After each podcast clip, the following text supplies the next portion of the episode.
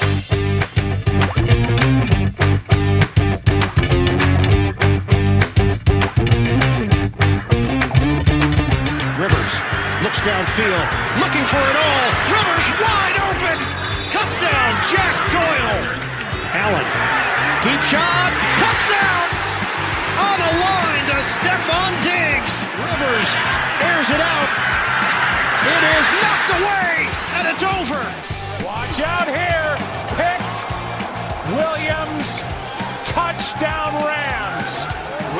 Chased, throws it up for grabs. He's got Metcalf. Touchdown Seattle. Keeps. Has Woods. Touchdown Rams. Heineke in trouble again. He's able to escape. Keeps the play alive. Runs for the first down. Dives for the pylon. Is he in? Is he in? Yes. Brady to his second look. It's open. It's Antonio Brown for the touchdown. Here Brady down the middle. It's caught for the touchdown. Godwin. Tannehill looking left. One-handed A.J. Brown. And there are no flags. Jackson trying to escape and run for it. And he's got it more. Lamar Jackson down the sideline. Will they give it to him? They will. Touchdown, Baltimore. Jackson will keep it. First down and plenty more down the sideline. And he's smart enough to stay in inbounds. Oh, Over the middle. It's Thomas. He There we go with the slide cannons. Hey, that is epic. And they start with a horrible snap all the way back to the two-yard line, and the Browns bounce it into the end zone where they wind up with a touchdown. Fires, it's going to be caught. Smith-Schuster, touchdown. Mayfield throws Chubb, makes the grab, gets some blocking, breaks tackles, and Chubb is going to go all the way to the end zone for a Browns touchdown. Just the tip there, Jim. Yeah, it wasn't enough. Dit is NFL op woensdag, een wekelijkse podcast over, jawel, de NFL, de National Football League. NFL op woensdag is een productie van KVM Media. En je kan eh, KVM Media op de diverse social media kanalen vinden via het KVM Media. De mooiste tijd van het jaar is aangebroken. It's playoff time. En in de NFL betekent dat winnen of naar huis. Mijn naam is Klaas-Jan, tegenover mij zit Pieter. Hoi. Dit is seizoen 1, aflevering 18 van NFL op woensdag.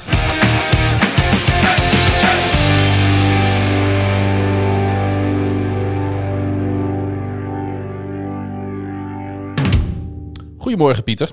Goedemorgen. Het is eh, twee uur 's ochtends. En voor de luisteraars, goedemiddag, goedenavond. Of misschien ook wel goede nacht, morgen. Ja, ik, Het is weer zover. ja, het is zo'n nachtelijke Het sessie. is weer een nachtsessie. Deze keer met koffie. Ja, je hebt een bakje koffie je bent met de auto. Ja, zo omstandigheden noopten mij daartoe. Ja, we hebben eh, zo natuurlijk eh, ook ons werk en andere bezigheden. En dan, eh, ja, dan Ja, nee, niet dat die luisteraars denken dat ik van die, van die onzin als Dry January of zo doe. Dat is gewoon niet zo. Alleen ik, ik drink als ik auto rijd. heel goed. Kan ik alleen maar ondersteunen. Daarom heb ik ook geen auto. Geen rijbewijs. Geen rijbewijs ook niet, nee. Ik moest best wel lachen om een tweetje van Henk Kiel die binnenkwam. Die zei, de Steelers kregen 48 punten tegen. De Jets kregen dat in geen enkele wedstrijd voor elkaar. Twee van de overgebleven teams, die werden door de Jets geklopt. Wat zegt dat? Nou, eigenlijk niks. Maar het is nou eenmaal een sport van veelal nutteloze feitjes. Van de, volgens mij van de laatste vijf eh, speelrondes hebben de Steelers er meer verloren dan de Jets. Volgens mij hebben de Steelers Ja, er maar één gewonnen en de. Jets twee. Daar heb je gelijk. in. Die hebben natuurlijk... eh, ja, dat klopt. Die, Dus dat die, die, ja, dus dat die four-game losing streak van, Ja. de, van de Steelers zat daarin. die hebben van de Colts gewonnen thuis. Ja, die hebben eh, dus de Steelers bedoel je? Ja, dat is hun enige overwinning in die, in die laatste reeks geweest. Ja, ja, ja, ja. En, en ja, die hebben dus eh, een paar, drie keer op rij verloren en toen eh, een keer gewonnen en toen weer verloren van Ja. de Browns. En nu weer verloren van de Browns. Dus En ja, en ondertussen had inderdaad de Jets, die, die wonnen twee keer. Een keer van de Rams en een keer van de... Wat was die andere ook alweer? Jongen, dat weet ik helemaal Eh, niet meer. het- de regular season lijkt zo ver weg. Wat, eh, was, het, was het niet van de Browns? Oh, dat zou ook wel eens Was de Browns. Ja, dat was, dat was zo van Ja. de Browns. Ja. Dat zegt ook heel veel dit, hè? Dit is wel prachtig, dit. Ja, de, het de- is wel waar. Deze, de deze- Jets die winnen gewoon van een team waar de Steelers twee keer op rij van verliezen. Wat, wat is dit? Dat is toch grappig. Nee, maar dit, dit, dit is wel mooi, want ik moest, dit- wij stoppen ook heel veel van dat soort statistiekjes en feitjes in die uitzendingen van ons. En het is ook gewoon zo. het- meestal is het compleet nutteloos om te weten dat iets voor het eerst gebeurd is sinds 1953. Je bedoelt een watersnoodramp. Ja, nou bijvoorbeeld. Nee, maar wat heb je eraan? Ja, nee, niks. Maar dat is, eh, eh, het, het is op zich wel leuk. Weet je, ik, Ja. ik, ik, ik ben ook niet zo'n man van. eh, ik vind statistieken vind ik hartstikke leuk en hartstikke interessant. Ik, ik ben alleen niet iemand die gelooft dat statistieken de toekomst voorspellen. Nee, Herman Vinker zei ooit, maar het is wel een feit. En zo zit het leven vol met dat soort dingen. Precies. En dat, eh, dat eh, vat het denk ik mooi samen. Ja, voor Tucker had die man nog wel eens een zinnige uitspraak. Even los van de nederlaag van de Chicago Bears. Heb je een beetje genoten van de wildcard ronde? Ja hoor, maar goed, eh, dat weet je ook. Ik heb geen seconde het idee gehad dat de Bears wel zouden winnen. Dus Ja. had, hadden ze dat gedaan, dan had ik dat schitterend gevonden. Maar het heeft mijn weekend echt niet verpest dat ze verloren hoor. En gelukkig Nee. zat hij bijna op het eind. Dat kijkt ook, ik moet eerlijk zeggen, want de Ravens zaten natuurlijk ook op zondag, eh, gevolgd door de wedstrijd van de Bears. En dan kijk je toch, die zaterdag is lekker kijken dan. Ja, ja. Want je hebt nog niet de Ah, wetenschap kijk, het is van natuurlijk wel zo als je, als je Bills-fan bent en je bent al door en je bent de eerste van de zes, dan kijken die andere zes wedstrijden pas echt Dan lekker. kijk je weg. nog lekkerder. Ja, dat heb je helemaal gelijk in. Maar weet je, ik vond dit eh, wel oké zoals dit was gescheduled voor ons. Ik had ook niet zo heel veel zin in een nachtwedstrijd, moet ik zeggen. Nee, het kwam allemaal, wel, het kwam Ja. allemaal goed uit. Ook, eh, ja, en volgend weekend komt ook weer uitstekend uit, tenminste voor mij. Dus dat wordt ook hartstikke leuk. Ja, dat wordt wel een nachtwedstrijd voor de Ravens. De enige nachtwedstrijd is, eh, is de kwart over twee op Ik- de zaterdagnacht. Ik ben vrij en eh, waarschijnlijk zit ik hier in de, in de KVM-studio met bier. Ik denk dat wij hier inderdaad maar gezellig het scherm in deze prachtige getimmerde gebouwde KVM-studio gaan Ja. aanzetten. En dan, eh, we hebben hier een leuke loungebank staan. Mondkapjes we- op. Mondkapjes op.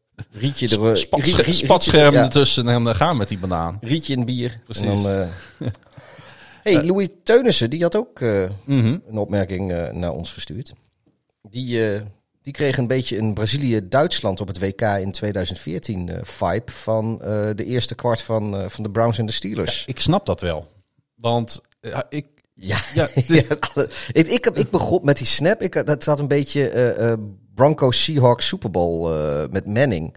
Weet je, dat, eh, dat, alleen dat was een safety toen, als ik me niet vergis. Ja, Toen- dat klopt. Die wedstrijd begon met een safety. Dat, Maar- het gaf trouwens... ehm, eh, oh, wie was dat ook alweer? Karin, die gaf dat ook aan. Die zei van, eh, ik kreeg ontzettende flashback naar, eh, naar dat moment. Ja, ik ook. Toen ik dat zag, was dat het eerste waar ik aan dacht. En Brazilië-Duitsland dacht ik zo snel niet aan. Maar ik snap het sentiment wel hier. Want eh, daar, eh, ja, het, is wel, het was wel soortgelijk van... Wat, dat, dat de Browns konden winnen van de Steelers, dat, dat wisten we allemaal wel. Ik had En Cleveland ook, ook, ook, in die wedstrijd kwam het niet meer goed, hè, trouwens, met de Nee, Broncos. nee. Dat, dat kondigt zich dan aan. Nee, maar de Ja. manier waarop, dat had niemand verwacht. Nee. En eh, wat ik zei, ik had wel verdacht, ver- verdacht, verwacht dat Cleveland zou winnen van de, van de Steelers. Maar niet zoals het uiteindelijk gegaan is. Nee, het was een hele bijzondere wedstrijd. Eh, we gaan alle wedstrijden even bij langs zometeen, dus daar komen we zeker nog op terug. Maar die vibe, die snapte ik wel. En ik moet wel eerlijk zeggen, ik ben wel afgehaakt bij rust. Want het was natuurlijk eh, midden in de nacht. En heb je het koud, Pieter? Nee, warm. Heb je het warm? Maar dat komt natuurlijk van die hete koffie. ik zit, je zit naar de thermostaat te kijken. Ja, ik, ik zit even te denken, volgens mij- uit of niet? Maar ik We hebben een constante studiotemperatuur van 18,5 graden namelijk. ja, ik denk Dus dat dat, valt wel eh, mee. normaal drink ik koude, koude, koude bier en eh, nu heb ik zo'n hete koffie. Nee, eh, ik vond, vond het wel een leuke opmerking van Louis in ieder geval. Hey, Janno, die zei, eh, de Zebra's maakten opvallend veel fouten dit weekend. Is het de play-off druk waar ze last van hebben? Nee hoor. De zebra's maken altijd heel veel fouten. Alleen, eh, en dat is een, een hele begrijpelijke denkfout, denk ik, die Janno maakt. Tenminste, dat is mijn beeld ervan. Ik zeg niet dat het zo is, maar dat is eh, sterk mijn, eh, mijn beleving. In zo'n playoff weekend, dan kijk je eigenlijk alle zesde wedstrijden van begin tot einde live. Ja. En in een regulier weekend is dat niet zo. En dan vallen dus ook alle kleine foutjes en dingetjes vallen je op die je normaal niet in de highlights ziet of op red zone of wat dan ook. Maar ik denk niet dat er meer fouten worden gemaakt dan normaliter. Alleen je ziet er veel meer omdat je dus ja, normaal kijk je niet zoveel wedstrijden. Ja. Of niet altijd zoveel wedstrijden in een weekend. En ik denk dat we nu wel kunnen stellen dat eh, fouten of discutabele momenten echt bepalend kunnen zijn voor of je team doorgaat of niet. ja, ja, het is nu inderdaad... eh, In het reguliere seizoen kun je nog zeggen van nou het gebeurt een keer. ja, en, en over een heel ander, seizoen over een middelt het zich seizoen. uit. Ja. En, is het, en in week, in week drie val je er nog niet over, maar in week 16 wel. Maar dat is hier natuurlijk niet zo, omdat dit ja, bij uitstek, en ik zei het al in de intro, de, de sport is waar het winnen of naar huis gaan is. ja, En die andere Amerikaanse sporten, basketbal, ijshockey en zo. Best of five, heb best je gewoon of best- precies. En Ja. dan verlies je een keer een wedstrijd en dan kun je gewoon nog terugkomen. Ja, dat zit niet opgesloten in eh, onze mooie sport. zouden ze bij de NFL ook moeten doen. Gewoon best of three. Hey, wat vind jij? eh, ja. dan, nou, ja, er gaan, er, gaan, er gaan er zoveel kapot. Ja. Hey, wat vind jij van die, eh, van die ehm, zoals Herman Blauw dat noemt, die ingestudeerde meuk in de endzone? Hè, de Bot Light, eh, eh, Sally, die hebben een. ehm, Wat is de butler? Ik zag dat staan. ah ja, dat is zo'n eh, zo'n celebration Oh. voor zo'n video Oh ja, ja, ja, nee, maar dat is wat, wat, wat dat eigenlijk is natuurlijk. Er hangt een camera hangt er boven dat scherm. Ja. En op dat scherm laten ze juichende fans zien. Als jij thuis zit te kijken en jij bent een fan van de Tennessee Titans. Dan kan jij natuurlijk gewoon in je, in je Titans shirtje met je Titans pet en je Titans sjaal en je Titans bril en je Titans oorbellen voor je laptop en de webcam gaan zitten. Ja, en wij zien en dan, wat de spelers natuurlijk. ja, en, en die spelers zien jou dan. Die hebben zo'n Ja. mozaïekbeeld op dat Mhm. scherm. En die zien, die zien al die fans daar zitten. Dus die juichen eigenlijk voor die fans. Alleen daar hangt de camera boven. Dus wij, de televisiekijkers, kijken naar die spelers. Maar af en toe eh, heb je wel een cut naar zo'n mozaïekbeeld met allemaal juichende fans. En dat is eigenlijk wat de spelers daar zien als ze juichen. Ja, en volgens mij moet je dan ook een, zo'n zo een beweging maken als, alsof je een, een flesje of een blikje Bud Light leeg drinkt als speler.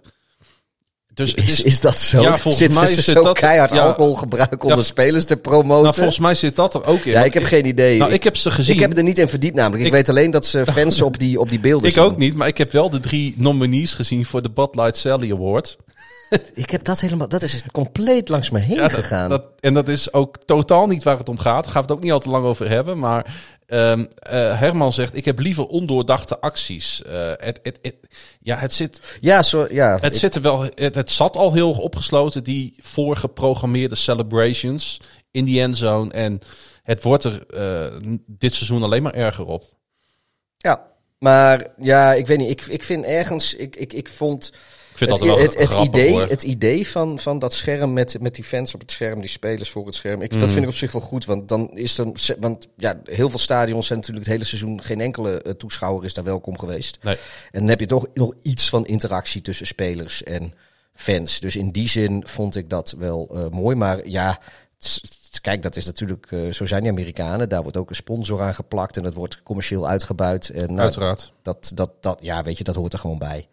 Ja, we moeten eigenlijk een soort van categorie eh, gaan bedenken. Of een soort van vast item. De vraag van Jorg of zo. En iets op verzinnen, want Jorg eh, stuurt iedere week een, eh, een vraag in. En ehm, hij twitterde, twitterde naar ons. Het draait eh, natuurlijk allemaal om de Vince Lombardi Trophy. De Super Bowl. Super Bowl, dat klopt Jorg. Eh, Pieter noemt dat liever Super Bowl. Maar twee weken eerder krijgt de kampioen van de AFC en NFC ook een trophy. Wordt er binnen de NFL waarde aan deze prijs gehecht? Of wordt er alleen gekeken naar de gewonnen, verloren Super Bowl? Eh, nou, er wordt wel degelijk waarde aangehecht. Als eh, teams die hun divisie winnen, over het algemeen raisen die een banner. Mhm. Alleen daarvoor van, nou, ik ben de, de, dat jaar was ik de, zoals de, de Washington voetbalteam gaat het zeker doen. 2020 eh, NFC East Champions. En het hangt ook super tof natuurlijk in, de, in je stadion. Ja. Of En, in de nok of, ja. of aan de zijkanten.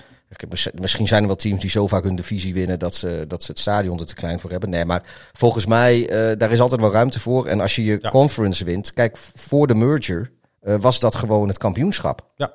En eh, eh, nou ja, goed, in de AFC spelen ze. Ik moet eerlijk zeggen dat ik niet weet hoe de trofee van de AFC heet. Ik heb ook geen idee. Ik weet, eh, ja, hoe ik dat weet. Ik heb geen idee, maar die van de NFC heet de George Hallis Trophy. Dat, dat weet ik natuurlijk wel. Ja.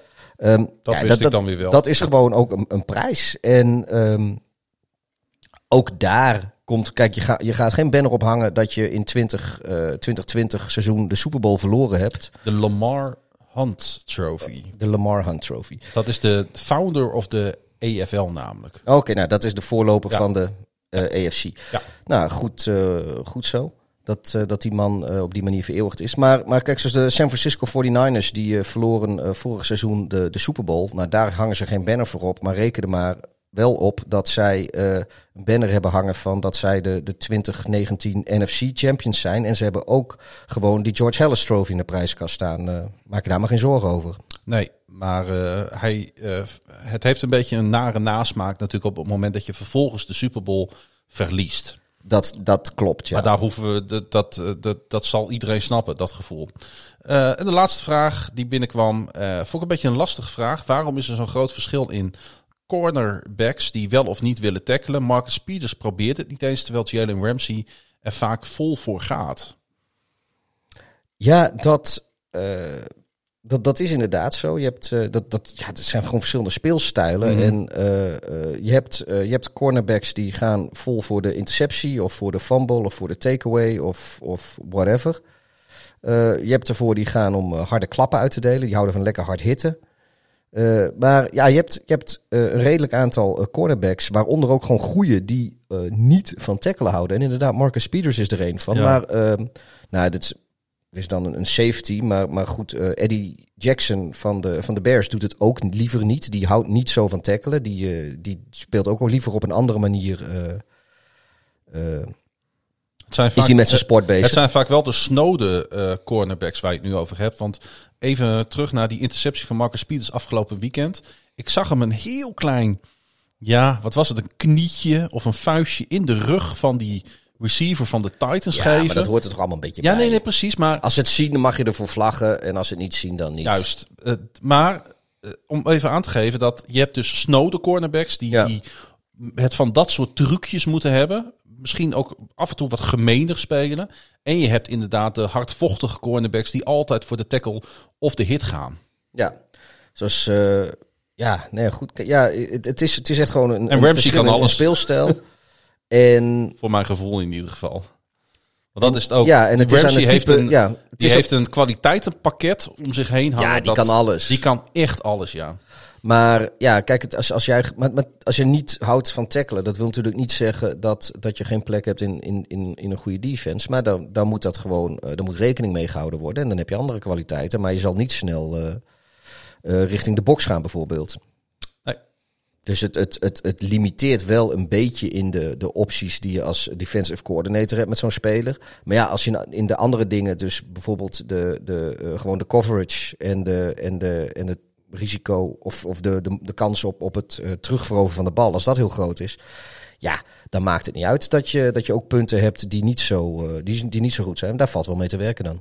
Maar van akte, laten we snel gaan naar de wedstrijden van afgelopen speelronde, de wildcard round in de NFL playoffs. En ehm, laten we dat maar gelijk gaan, eh, gaan samenvatten wat mij betreft in de NFL. Maar dan snel. We gaan terug naar 1995. De Amsterdam Admirals verloren op tragische wijze de World Bowl van de Frankfurt Galaxy. Een ontluisterende nederlaag was er ook voor de Duitse voetbalvrouwen... die de WK-finale met 2-0 van de Noorse dames verloren. Maar het meest trieste was misschien wel de zure verliespartij die AC Milan te verwerken kreeg in de finale van de Champions League. Leuke dingen gebeurden er ook. De Baltimore Stallions wonnen de Grey Cup en kroonden zich zo tot de eerste Amerikaanse kampioen van het Canadese voetbal. En oh ja, tot afgelopen zaterdag was 1995 het jaar waarin de Buffalo Bills voor het laatst een playoff-wedstrijd wonnen. Het heeft 17 wedstrijden geduurd, maar Russell Wilson is eindelijk de keuken uitgejaagd. Met dank aan Jared Goff en de Rams. Die. De Los Angeles Rams wilden het kunstje aanvankelijk met eh, John de Wolford flikken. Maar die moest zich al snel voor een blessure laten behandelen. En waar een echte John de Wolford met een bebloede tulband weer binnen de lijnen zou zijn gestapt, liet deze Wolford zich bij het eerste beste tikje meteen de ambulance inschuiven. We gaan vooruit naar het jaar 2045. De Groningen Giants winnen op fenomenale wijze de World Bowl van de New York Giants, die prompt hun naam wijzigen naar de New York Little People. FC Groningen wint zinderend haar 24e landstitel op rij. Slechts zes verwijderd van die derde ster. Het WK voetbal voor vrouwen krijgt wederom geen doorgang, want vrouwen kunnen beter koken. Zo is althans de opvatting van het 13e kabinet Baudet. En oh ja, Tom Brady maakt voor het 42e jaar zijn opwachting in de playoffs.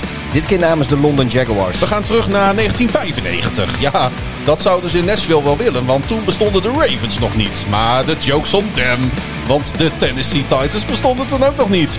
We blijven dus maar gewoon in eh, 2021, het jaar waarin Lamar Jackson over de Titans heen loopt. En de rest van de Ravens de Titans als voetveeg gebruikt. En oh ja, Geen enkele andere NFL-coach heeft meer playoff succes in Nashville dan John Harbaugh. Terwijl de Saints nog verbaasd waren dat ze, ondanks hun dubieuze banden met de katholieke kerk, op Nickelodeon werden uitgezonden, probeerden de Bears wanhopig niet in de slimezone terecht te komen. En dat plan slaagde met vlag en wimpel. De enige Bear die wel de slimezone haalde, ging meteen douchen.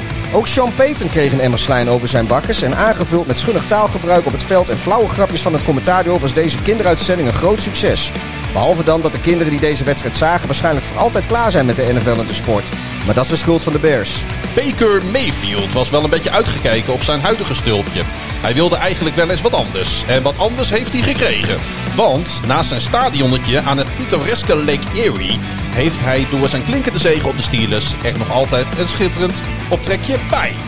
Precies daar waar de Ohio River, de Allegheny River en de Monongahela River elkaar ontmoeten. En Ben Roethlisberger wil vast de deur wel open doen als Baker thuiskomt met zijn boodschappen.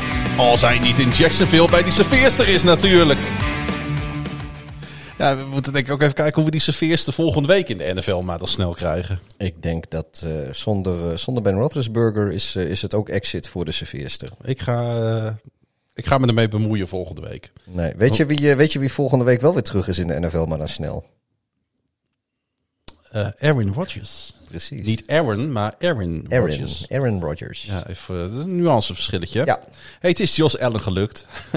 Hij is de eerste startende quarterback van de Bills die in een kwart eeuw een playoff wedstrijd heeft gewonnen. Ik hoorde net dat het voor het eerst sinds 1995 was. eh hoorde ik in de NFL, maar dat Ja, snel. ongeveer zeg maar een kwart Ja, eeuw. nee, maar dat, Ja. dat gewoon, ik, ik wist het niet. eh, totdat ik net de NFL maar dan snel. eh, Het is ongelooflijk. Hij is, ehm, ja, weet je, we hebben natuurlijk veel over de Browns gehad hè, als organisatie waar eh, mensen lang hebben moeten wachten op succes.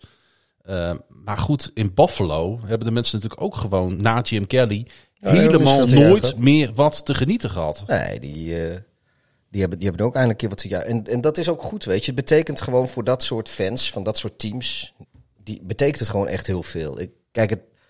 Ja, die, als je. Als je Ik heb mensen huilend in beeld gezien, want er mocht weer wat publiek aanwezig zijn eh, in Bill Stadium.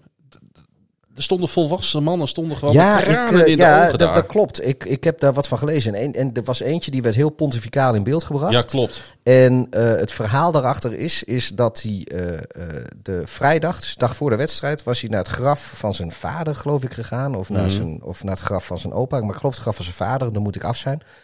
En daar heeft hij toen, daar is hij speciaal heen gegaan om te vertellen dat hij naar een playoff wedstrijd van de Buffalo Bills zou gaan. En, dat, eh, en ze hadden nog wel kans om te winnen, ook nog, dacht hij. En eh, gewoon, weet je, dat soort dingen zitten daarachter. En nou ja, kijk, wij hebben het zelf natuurlijk een beetje meegemaakt toen, eh, toen FC Groningen de beker won. Mhm. Want laten we eerlijk zijn, dat is de enige keer dat we buiten de Chippy Polar Cup en het maritieme toernooi in Den Helder als eh, Groningen fans een, een, een, echte, een ho- echte hoofdprijs pakten. Dus dat gebeurt niet zo vaak. En ja, dat, dat geldt natuurlijk voor, voor dat soort mensen ook. Ja, weet je, ja, ik denk dat het wel een redelijke vergelijking is. Want ik, ik ga gewoon hier eh, on-air eh, bekennen dat ik het ook niet droog heb gehouden toen in de, in de Kuip die nee, dag. Toen nou, ik, ik, in, de, eh, in de Kuip wel. Ik had de halve, halve finale Oh ja, de, de, de Excelsior-wedstrijd. Excelsior-wedstrijd. Toen Ja. had ik ineens zoiets, fuck man, we gaan naar de. Maar dat komt ook omdat, eh, jezus, we maken nu een FC Groningen podcast van, maar eh, boeien. Nee, maar dit, dit, weet je, wij hebben ook één keer dit meegemaakt in ons supporters. Ja, wij, kun- wij, wij, hebben, wij begrijpen wel wat, wat die Bills-fans Ik denk het wel, doormaakten. ja. dat, Ja. eh, daar hebben we wel enige notie van. En ja, kijk, wat, wat ik, ja, zo- zoals die, die wedstrijd tegen Excelsior van Groningen, de halve finale. Mijn enige wens was een keer naar de Kuip voor de bekerfinale. Ik had er nog helemaal niet over nagedacht dat we dan, als we daar waren, die wedstrijd nog moesten winnen. En ik had gewoon zoiets van winnen halve finale, we gaan naar de Kuip. Voor mij was het doel toen al bereikt. Ik dacht niet eens aan winnen. Nee, op dat, een of zal, andere manier. dat zal voor deze man ook gelden, denk ik. En, en ik kan me voorstellen dat ze ook. Nou, Ja. nou ja, wel, in Buffalo zijn ze natuurlijk wel eens naar de Super Bowl geweest. Dus daar zullen ze hem een keer willen winnen.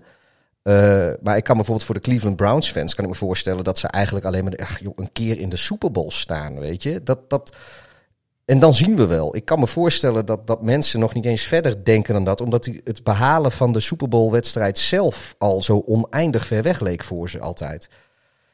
En ja, nou ja, goed, dat. eh, ik vind het mooi om mensen zo, eh, zo blij te zien. Nou, even terug naar de wedstrijd. Nummer 17 gooide twee touchdowns en rente zelf ook één binnen voor een 27-24 overwinning op Indianapolis. De Colts kwamen op het eind nog dichtbij. Een stunt, maar het was safety Mika Hyde die een desperation pass van Philip Rivers naar het turf wist te tikken, terwijl de klok terugliep naar nul. De laatste keer dat Buffalo een playoff wedstrijd wist te winnen was inderdaad op 30 december 1995. En dat was tegen Miami. Ja, wist je trouwens dat eh, Josh Allen dus niet alleen de eerste eh Bills quarterback is die in deze eeuw een playoff wedstrijd wint, maar dat hij eh, misschien nog wel knapper. Hij is de eerste quarterback van de draft class van 2018 die een playoff wedstrijd wint. Maar ik weet alleen zo snel niet over wie nog meer in die, in die draft class zaten. Ik denk Sam Darnold. Nou, dat is niet waar. Want dat is dezelfde draft class. Eh Oeh, dan zit ik. Jij wilt zeggen dezelfde draft class als Lamar Jackson. Ja, Ja, maar die won toch ook pas een dag later zijn eerste playoff wedstrijd. ah, zo bedoel je. Eh, De, Josh, eh, de Rosen zat ook in die draft class. Ja, die, daar, daar zien we nog meer. Allen, Jackson, Rosen en, Darnold volgens en mij. Darnold. Ja, dat Ja. waren ze. De vier eh, grote quarterbacks uit die draft. Hij is de eerste dus die het... eh, Lamar Jackson met een dag tweede. Ja. Maar Ah, goed, hij heeft... eh, ook zo'n echt zinloos statistiekje. En in mijn, Nou, hoofd, is- in, in mijn hoofd klonk het leuker dan... Ja, dat geeft helemaal niet. Maar ik zat een beetje na te denken. Ik denk 1995. En toen ben ik even op Wikipedia, mijn grote vriend Wikipedia gaan zoeken. Toen, kwam ik achter dat Josh Allen op dat moment nog niet eens geboren was. Weet je? En dan denk ik bij mezelf, zal dat een mentale rol gespeeld hebben in zijn, in zijn gestel, mentale gestel dan, dat hij zich dat gerealiseerd heeft? Hij zal er vast mee geconfronteerd zijn door de pers ik, of zo. ja, weet je, ik, ik vraag me altijd een beetje af hoe dat, eh, hoe dat werkt in... eh, Want zonder verleden immers geen heden. Hè? Dus dat geldt ook voor dit soort dingen. Ja, ik vraag me want, want kijk, ehm, het gebeurt niet vaak dat een speler eh, terechtkomt bij het team waar die al zijn leven lang fan van is. En het gebeurt nog minder vaak, of het, en het gebeurt ook al bijna nooit, dat, dat een speler überhaupt terechtkomt bij een team uit, zijn, uit de regio waar die opgegroeid is. Dus ja, ik denk dat die. Ik Nou, heb we hebben idee. een Who's That Man en daar geldt dat voor.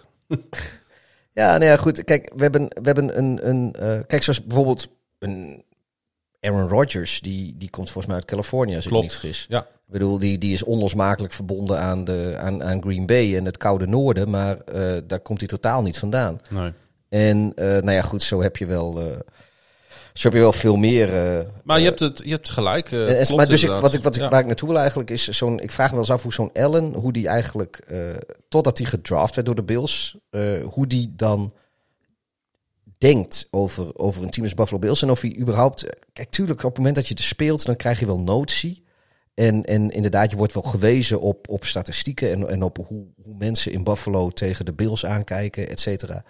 Maar ja, ik vraag me eigenlijk af in, in hoeverre eh, hij een, zich emotioneel verbonden voelt aan Ja, die precies. organisatie. Dat- ik denk hoe lang je er blijft, hoe meer dat komt. Ja.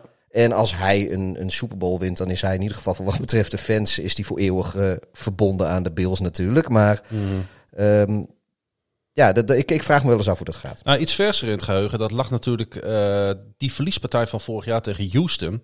De Bills verspeelden toen een 16-0 voorsprong en verloren uiteindelijk in overtime. Ik weet niet of je dat nog kan herinneren met 22-19.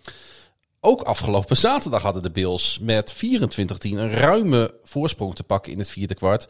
En het werd toch nog weer spannend tot de laatste seconde in die wedstrijd.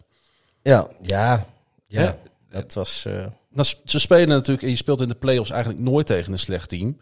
Maar ja, in zekere zin ehm, waren de Bills één play verwijderd van weer een deceptie. En de Colts van doorgaan in de playoffs. dat, dat, ja, dat, het, het, Het spande er nog wel om hoor. ja, de Colts hebben het echt spannend gemaakt. Het is, het is, ik denk wel dat, dat de, de, de uitslag van die wedstrijd 24-27 is een beetje geflatteerd in de zin van dat ik vind dat de Bills die waren eh, wel meer dan één field goal beter dan de Colts. Op zich ben ik het Maar- eens. Je merkt wel dat het- laten- het zenuwachtige ja. sloopte... Hoe noem je dat? Slo, sli- sleep, Ja, dat slo sloop, sloop erin. Sloop er wel in. Ja. En dat was natuurlijk best te zien in die fumble eh, van Allen Ja, zelf. ja, ja. ja nee, dat, dat is ook zo. Eh, ik denk dat inderdaad zenuwen hebben daar rondgespeeld en, en of een rol gespeeld. De Colts die hebben natuurlijk op een gegeven moment zoiets van ja, eh, ja die, die geven ook niet op, want die, die, die blijven een kans houden ook.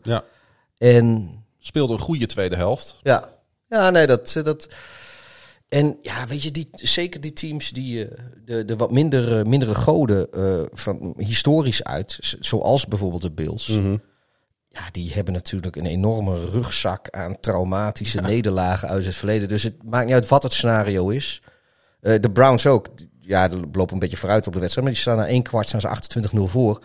Maar ik denk dat er haast wel in het, in het Browns verleden wel een scenario was van, eh, van nou, eh, dat zullen we nog wel... Die, ja, die waren nog niet zeker van de overwinning, denk ik. En er gebeurde ook nog wat in die tweede helft. Dus, maar goed, eh, daar, daar, daar, daar komen we later op. Maar weet je, dus teams als de Colts en de Browns, die hebben voor ieder scenario hebben ze wel weer een, een doemscenario om daar Precies. tegenover te zetten. Eh, wat wel leuk was, is dat voor het eerst dit seizoen dus fans mochten plaatsnemen op de tribunes van Bills Stadium in Orchard Park. Even ten zuiden van Buffalo. De 6700 gelukkigen, die allemaal vooraf getest waren op COVID-19, scandeerden na een 35-yard touchdown pass op Stefan Diggs. MVP, MVP als waardering voor de eerste speler in de geschiedenis van de NFL die de league aanvoert in zowel catches als yards receiving als Buffalo Bill. Ja, en eh, nou goed, ik heb, ik heb volgens mij al eens eerder eh, eh, een, een lans gebroken voor Stefan Dix als, als MVP. Hij staat niet in de mix volgens mij. Hè? Nee, maar het ging voor. we hebben natuurlijk. ja, weet je wat, wat, wat, wat, wat Dix gedaan heeft voor, voor Allen. Mhm. En nu Allen zelf natuurlijk ook enorm verbeterd. Maar ja, dit heeft gewoon in, met, met die hele offense van Buffalo zoveel beter gemaakt. Dat, kijk, ik vind nog steeds, de MVP hoeft niet de beste speler van het seizoen te zijn. De MVP is de meest waardevolle speler. Precies. En ehm, kijk, eh, Aaron Rodgers gaat het winnen. Ja. Die wordt MVP. Laten we dat, dat, dat kan haast niet anders. Maar en niet omdat Aaron Rodgers Aaron Rodgers is en voor de Packers speelt, maar je zou kunnen aanvoeren dat eh Stefan Diggs eh, van meerwaarde is geweest eh, voor de Bills dit seizoen dan Aaron Rodgers voor de Packers in de zin van Ja, want Aaron Aaron Rodgers, is, is het on- constante, Is, is is niet het ontbrekende puzzelstukje. Nee. En dat is Dix wel in Buffalo. Precies. Het, kijk, het is wel zo dat zonder Rodgers zul- zullen de Packers het stukken lastiger hebben om de playoffs te halen, bijvoorbeeld. Mhm. Maar eh, eh, ja, in zekere zin zou kunnen aanvoeren dat die Jordan Love in Green Bay eh, de MVP zou moeten zijn. Want die heeft het draften van hem heeft Rodgers tot een MVP-seizoen ge- gedwongen. Nee, maar, maar ja, wat die Bills, of eh, Bills, wat bij die Bills, eh, wat, wat die misten en wat Stefan Dix daar dus heeft gebracht. Ja, dat, dat vind ik op zich een, een argument voor een MVP-discussie. Maar goed, de, de, de valuable player deel is, eh, het is eigenlijk gewoon de best player van het seizoen. Wat, eh, wat, wat die over het algemeen verkozen wordt. En niet de meest waardevolle, vind ik. Want dat hoeft niet dezelfde speler Nee, te ik, zijn. eh, ik kan me daar alleen maar bij aansluiten. De Colts die kunnen met een 11-6 record natuurlijk op zich positief terugkijken op het reguliere seizoen. Bovendien werd onder coach Frank Reich voor de tweede keer in drie jaar het naseizoen bereikt. Dus het gaat op zich best wel redelijk de laatste jaren in Indy. Rivers eindigde de dag met 27 uit 46 voor 309 yards. En heeft nu een 5-7 record in de playoffs. Alleen in 2008 wist hij de Conference Championship te bereiken. Als ik me niet vergis, een nederlaag tegen de New England Patriots. Wat, eh, het was trouwens wel de eerste keer ooit dat Rivers verloor in de wildcard-ronde. Ehm, Al zijn Oké. nederlagen die kwamen, eh, kwamen in divisional of, eh, of zelfs conference. Nou, dat zou heel goed kunnen als ik zo een beetje terug eh, eh, herconstrueer. Over de laatste jaren inderdaad. Maar hij is nu 39 lentes jong. En wat denk je, gaat hij er nog een seizoen aan vastknopen? Die heel Mary van hem, die haalde de endzone niet eens. hè? Nou, dat, dat, dat was het moment dat ik dacht... Oei, Aan de andere kant, weet je, als, als dat het enige is wat hij niet kan. eh, nou ja, goed, quarterback sneaks en zo doet hij ook niet. Maar ja, weet je, ze hebben toch, wat is het? Jacoby Brissett zit daar nog steeds achter hem. Nou, volgens mij kan die best wel een bal wegslingeren. In theorie hadden, kijk, het is ook geen verrassing dat de, dat de Colts daar voor de Hail Mary gingen. nee. Dus eh, waarom ga je dan niet, eh, zet je niet eh eh, Brissett er gewoon in? Ja, dat is natuurlijk een, een, een, in een split of a second moet je zo'n beslissing maken natuurlijk. Ja, misschien dacht Russ ook wel dat ik. Maar het, ik vond het was een beetje pijnlijk om te zien. Ja, dat vond ik ook. En ehm, eh, dus zelfs als de bal gevangen was, dan had het de, de, de, de Colts nog niet geholpen. Waarschijnlijk. Nee, Dat is een je- beetje terug Nee, aan want die er, play. sta- er, sta- er, staan, eh, er staan vijf Colts en, en, en zeven Bills staan er op, een- op een kluitje. En er moest nog vijf yard overbrugd. overbrugd. Nou, dat ga je niet Dat redden. ga je niet redden, precies. En, maar ik denk wel, dat, ik weet niet of het in Indianapolis is, maar ik denk wel dat als Philip Rivers nog een jaar wil, dat er eh, ergens in de NFL wel een team is die het met hem aan wil. Dat, dat denk ik wel. Nou ja, kijk, de Colts hebben natuurlijk geen hoge draft pick. Dus eh, ze zouden het gewoon nog een jaartje kunnen doen ze met hebben hem. die, eh, die Eason hebben ze erachter zitten. Die hebben ze gedraft Ja, vorig, vorig jaar. jaar. Ja. Nou, misschien geloven ze daar wel in. Ja, ik heb er nog niks over gehoord. Hij heeft ook geen kansen gekregen dit seizoen. Dus Nee, maar dat hoeft ook niet. Hij moet Nee, zich rustig ontwikkelen. Misschien doen ze zeg maar wel de, eh, weet je wel, wat, eh, wat, de, wat de Chiefs hebben gedaan met, eh met Mahomes. Mhm. Alleen de, de Chiefs die hadden destijds volgens mij niks meer om, om voor te spelen in week 17. Dus toen mocht Mahomes al spelen. Ja, klopt. En onze vrienden van de, van de Colts hadden natuurlijk alles om nog voor te spelen op die laatste speeldag. Dus die konden niet gaan freewheelen met een, met een rookie quarterback. Ja. Wie in ieder geval zich wel ontwikkeld heeft, dat is Allen. En hij had na afloop weinig moeite met de uiteindelijk moeizame overwinning. Het maakt niet uit hoe het eruit zag. Het zijn de play-offs. De opties zijn winnen of naar huis. En we trokken aan het langste eind. En zo is het. het Ja, was, joh, dat, eh, Tom Brady had eh, woorden in dezelfde strekking. En weet je, het, het is gewoon echt zo. In de play-offs maakt iedereen het, begint weer op nul. Het is weer een nieuwe maar competitie. het maakt ook en- geen bal uit dat je het overtuigend hebt gedaan of niet. De volgende wedstrijd is weer heel anders. En je hebt 17 weken daarvoor om op te, op te leunen Ja, hè, nee, aan ik, ik- prestaties waar je het wel goed gedaan hebt. Dus iedere wedstrijd heeft zijn eigen verhaal. En eh, ik denk dat je inderdaad ook helemaal niet naar kijken moet, kijken hoe. Weet je, als je naar die playoff run van de Ravens kijkt, eh, de laatste Super Bowl run van ze. Ja, het maakt niet uit hoe. Ze deden het. ja, nee, precies. En uiteindelijk gaat het om die ring. Ehm, weet je, met een eh, een vijf-jaar touchdown run en een touchdown completion naar tight end Dawson Knox werd Allen de vijfde speler sinds 1940. Kijk, gaan we weer met zo'n heerlijk eh, nutteloos feitje. De vijfde speler sinds 1940 die in de playoffs zowel een rushing, een passing en een receiving touchdown achter zijn naam heeft staan. Allen scoorde namelijk vorig jaar in die wedstrijd tegen Houston, waar we het eerder al even over hadden, met een 16-yard catch gegooid door John Brown. De andere spelers zijn Nick Foles. Vond ik wel grappig. Denk, oh ja, dat is ook zo, tuurlijk. De Philly Special. Ja. Julian Edelman. Nou ja, die kunnen we ook allemaal nog wel voor de geest halen. Cordell Stewart, overigens oudspeler van zowel de Chicago Bears als de Baltimore Ravens. Vond ik ook wel leuk om te noemen. En Jets, Jets Ring of Honor running back Freeman McNeil. Toen maar weer. Nou ja, Ja, je hebt er niks aan. Iedereen is het ook weer vergeten morgen. Maar het is wel genoemd. De, we gaan trouwens de, de, we hebben besloten om de volgorde aan te houden van de televisieuitzending. ja, dus dan weet iedereen eh, wat de volgende wedstrijd wordt. Ja, de LA Rams op bezoek bij de Seattle Seahawks. 30 tegen 20. En Karin die zegt, ik heb ontzettend afgezien zaterdagnacht. Mijn Seahawks hadden geen schijn van kans tegen de Rams. Abominabel slecht aanvalspel en slechte coaching. Eh, is dat een term, abominabel, waar jij je in kan vinden, Pieter? Ja, ik moet wel zeggen dat, eh, dat ik het aanvalspel niet per se slechter vond dan, eh, dan wat ze de rest van het tweede seizoen zelf lieten zien. Want eh, ja, de, de Seahawks die begonnen natuurlijk het seizoen eh, met oogstrelend aanvalspel. En de ene highlight eh, touchdown naar de andere highlight waardige touchdown. Ja. Maar op een gegeven moment ja, leken de tegenstanders een beetje het trucje ontdekt te hebben om daar wat tegen te doen. En daar op hun beurt hebben de, hebben de Seahawks daar dan weer geen, geen antwoord op kunnen vinden. En dat kost ze nu dan uiteindelijk ook gewoon de, de, Ja. een, een playoff run. Want Dus ik denk dat Karin ook gewoon een Ja, punt heeft heeft als, ze, als ze die slechte coaching benoemt. Dat klopt, ja. En eh, ja, kijk, weet je, dat is eh, puur in de emotie. En eh, de mensen die wel eens op Reddit en zo komen, of, of NFL Twitter-accounts van. eh, maar ja, er, er, er gingen her en der geluiden op eh, vanuit het Seattlese. En dan in ieder geval van, vanuit, de, vanuit de achterban. Dus volgens mij niet zozeer vanuit de organisatie. Maar dat ze misschien ook wel eens van die, eh, van die Pete Carroll af willen. Want dat schijnt helemaal niet zo'n goede coach te zijn, vinden ze nu. Want dan denken ze, ja, die man die heeft één keer een Super Bowl met ons gewonnen. En wel heel vaak de playoffs gehaald. Maar zijn hoogtijdagen lagen toen er een historisch geweldige verdediging was. En Russell Wilson, die ze geloof ik in de derde ronde gedraft hebben Ja. destijds. Eh, nou ja, daar hadden ze ook geen idee van wat voor goud ze daarmee in handen hadden. Anders hadden ze die gewoon keurig netjes eh, in de eerste ronde al opgepikt. Eh, maar die, dat blijkt een, een generatie bepalende quarterback te zijn. Maar eh, ja, je hebt ondertussen mensen die zeggen van ja, met Russell Wilson en die defense hadden ze misschien wel een dynasty moeten maken. Eh, dus meer dan één eh Super Bowl winnen. Nou, ze hebben er twee op rij gespeeld. Dat is op zich ook al knap zat. Uiteraard.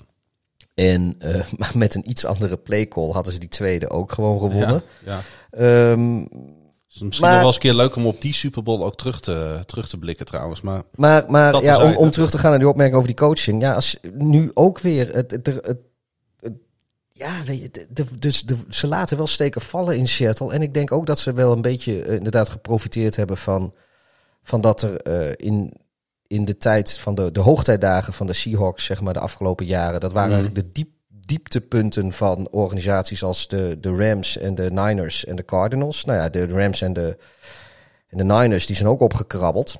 En, eh, dat kun je wel stellen, ja.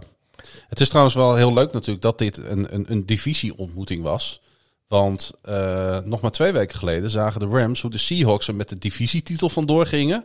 Die vierden dat met nou, veel bombarie en sigaren. Ik kan me nog herinneren dat Jamal Adams aan een, aan een Zoom-desk zat met zo'n met zo'n dikke Havana in de, in, in de bek.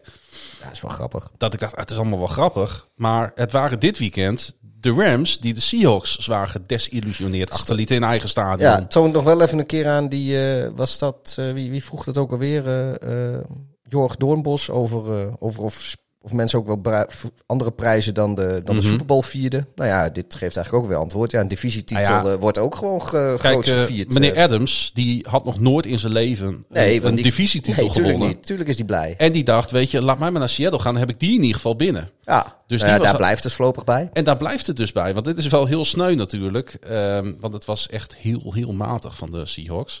En dat kwam vooral door running back Cam Akers en natuurlijk die geweldige Rams defense. Akers rende 131 yards en een touchdown bij één. En Darius Williams, in 2008 trouwens nog undrafted de NFL binnengekomen via de Baltimore Ravens. Waarom hebben ze hem laten gaan, denk je dan nu? Had een belangrijk aandeel in de overwinning door een geweldige pick six te noteren. Misschien wel ja, het momentum shift van deze wedstrijd. Ja, ja nee, dat Ik vond het een van de aller, allerbeste defensive plays die ik dit hele jaar is, gezien is heb. ook zo. Maar kijk, eh, wa- waar de, de defense van de Rams normaal ook echt leunt op eh, Aaron Donald. Die was eh, volgens mij in derde kwart ook vertrokken met een ja, blessure. vlak na rust viel hij Ja, geblesseerd uit. Dus ze hebben eigenlijk bijna de helft van de wedstrijd, de hele tweede helft van de wedstrijd zo'n beetje, hebben ze niet Mhm. de beschikking gehad over Aaron Donald bij de Rams. Vriend Carroll, de coach van, van de Seahawks, zei na afloop wel dat een van de redenen dat zij niet langs die Seahawks die, of langs die Rams defense komen, dat dat Aaron Donald is. Nou ja, en dat voedde dus weer die kritieken waar ik het eerder over had. Van joh, Ja. gast, je hebt de helft van de wedstrijd, heeft hij er niet eens gestaan. En toen had je ook geen, geen antwoord op de, op de Rams defense. Eh, Maar ehm, ja, weet je, het is heel mooi natuurlijk voor de, voor de Rams dat, eh, dat ze ook even zonder Donald eh, nog steeds heel goed kunnen verdedigen. Ja, toch, toch nog even, even terug naar die play van die Williams. Ik denk niet dat heel veel mensen hem kennen. Goed kennen in ieder geval. Tenzij je groot volger van de Rams bent. Die leest precies wat er gaat gebeuren. Je ziet hem al kijken.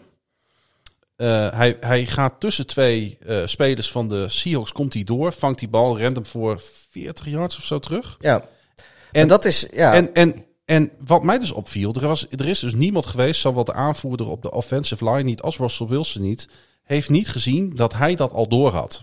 ja, maar dat is... En ook aan Ja, de zijlijn niet, want dan was er wel ja, een time-out Ja, maar dat is een beetje hoe voorspelbaar ook die, die Seahawks offense is. Ja.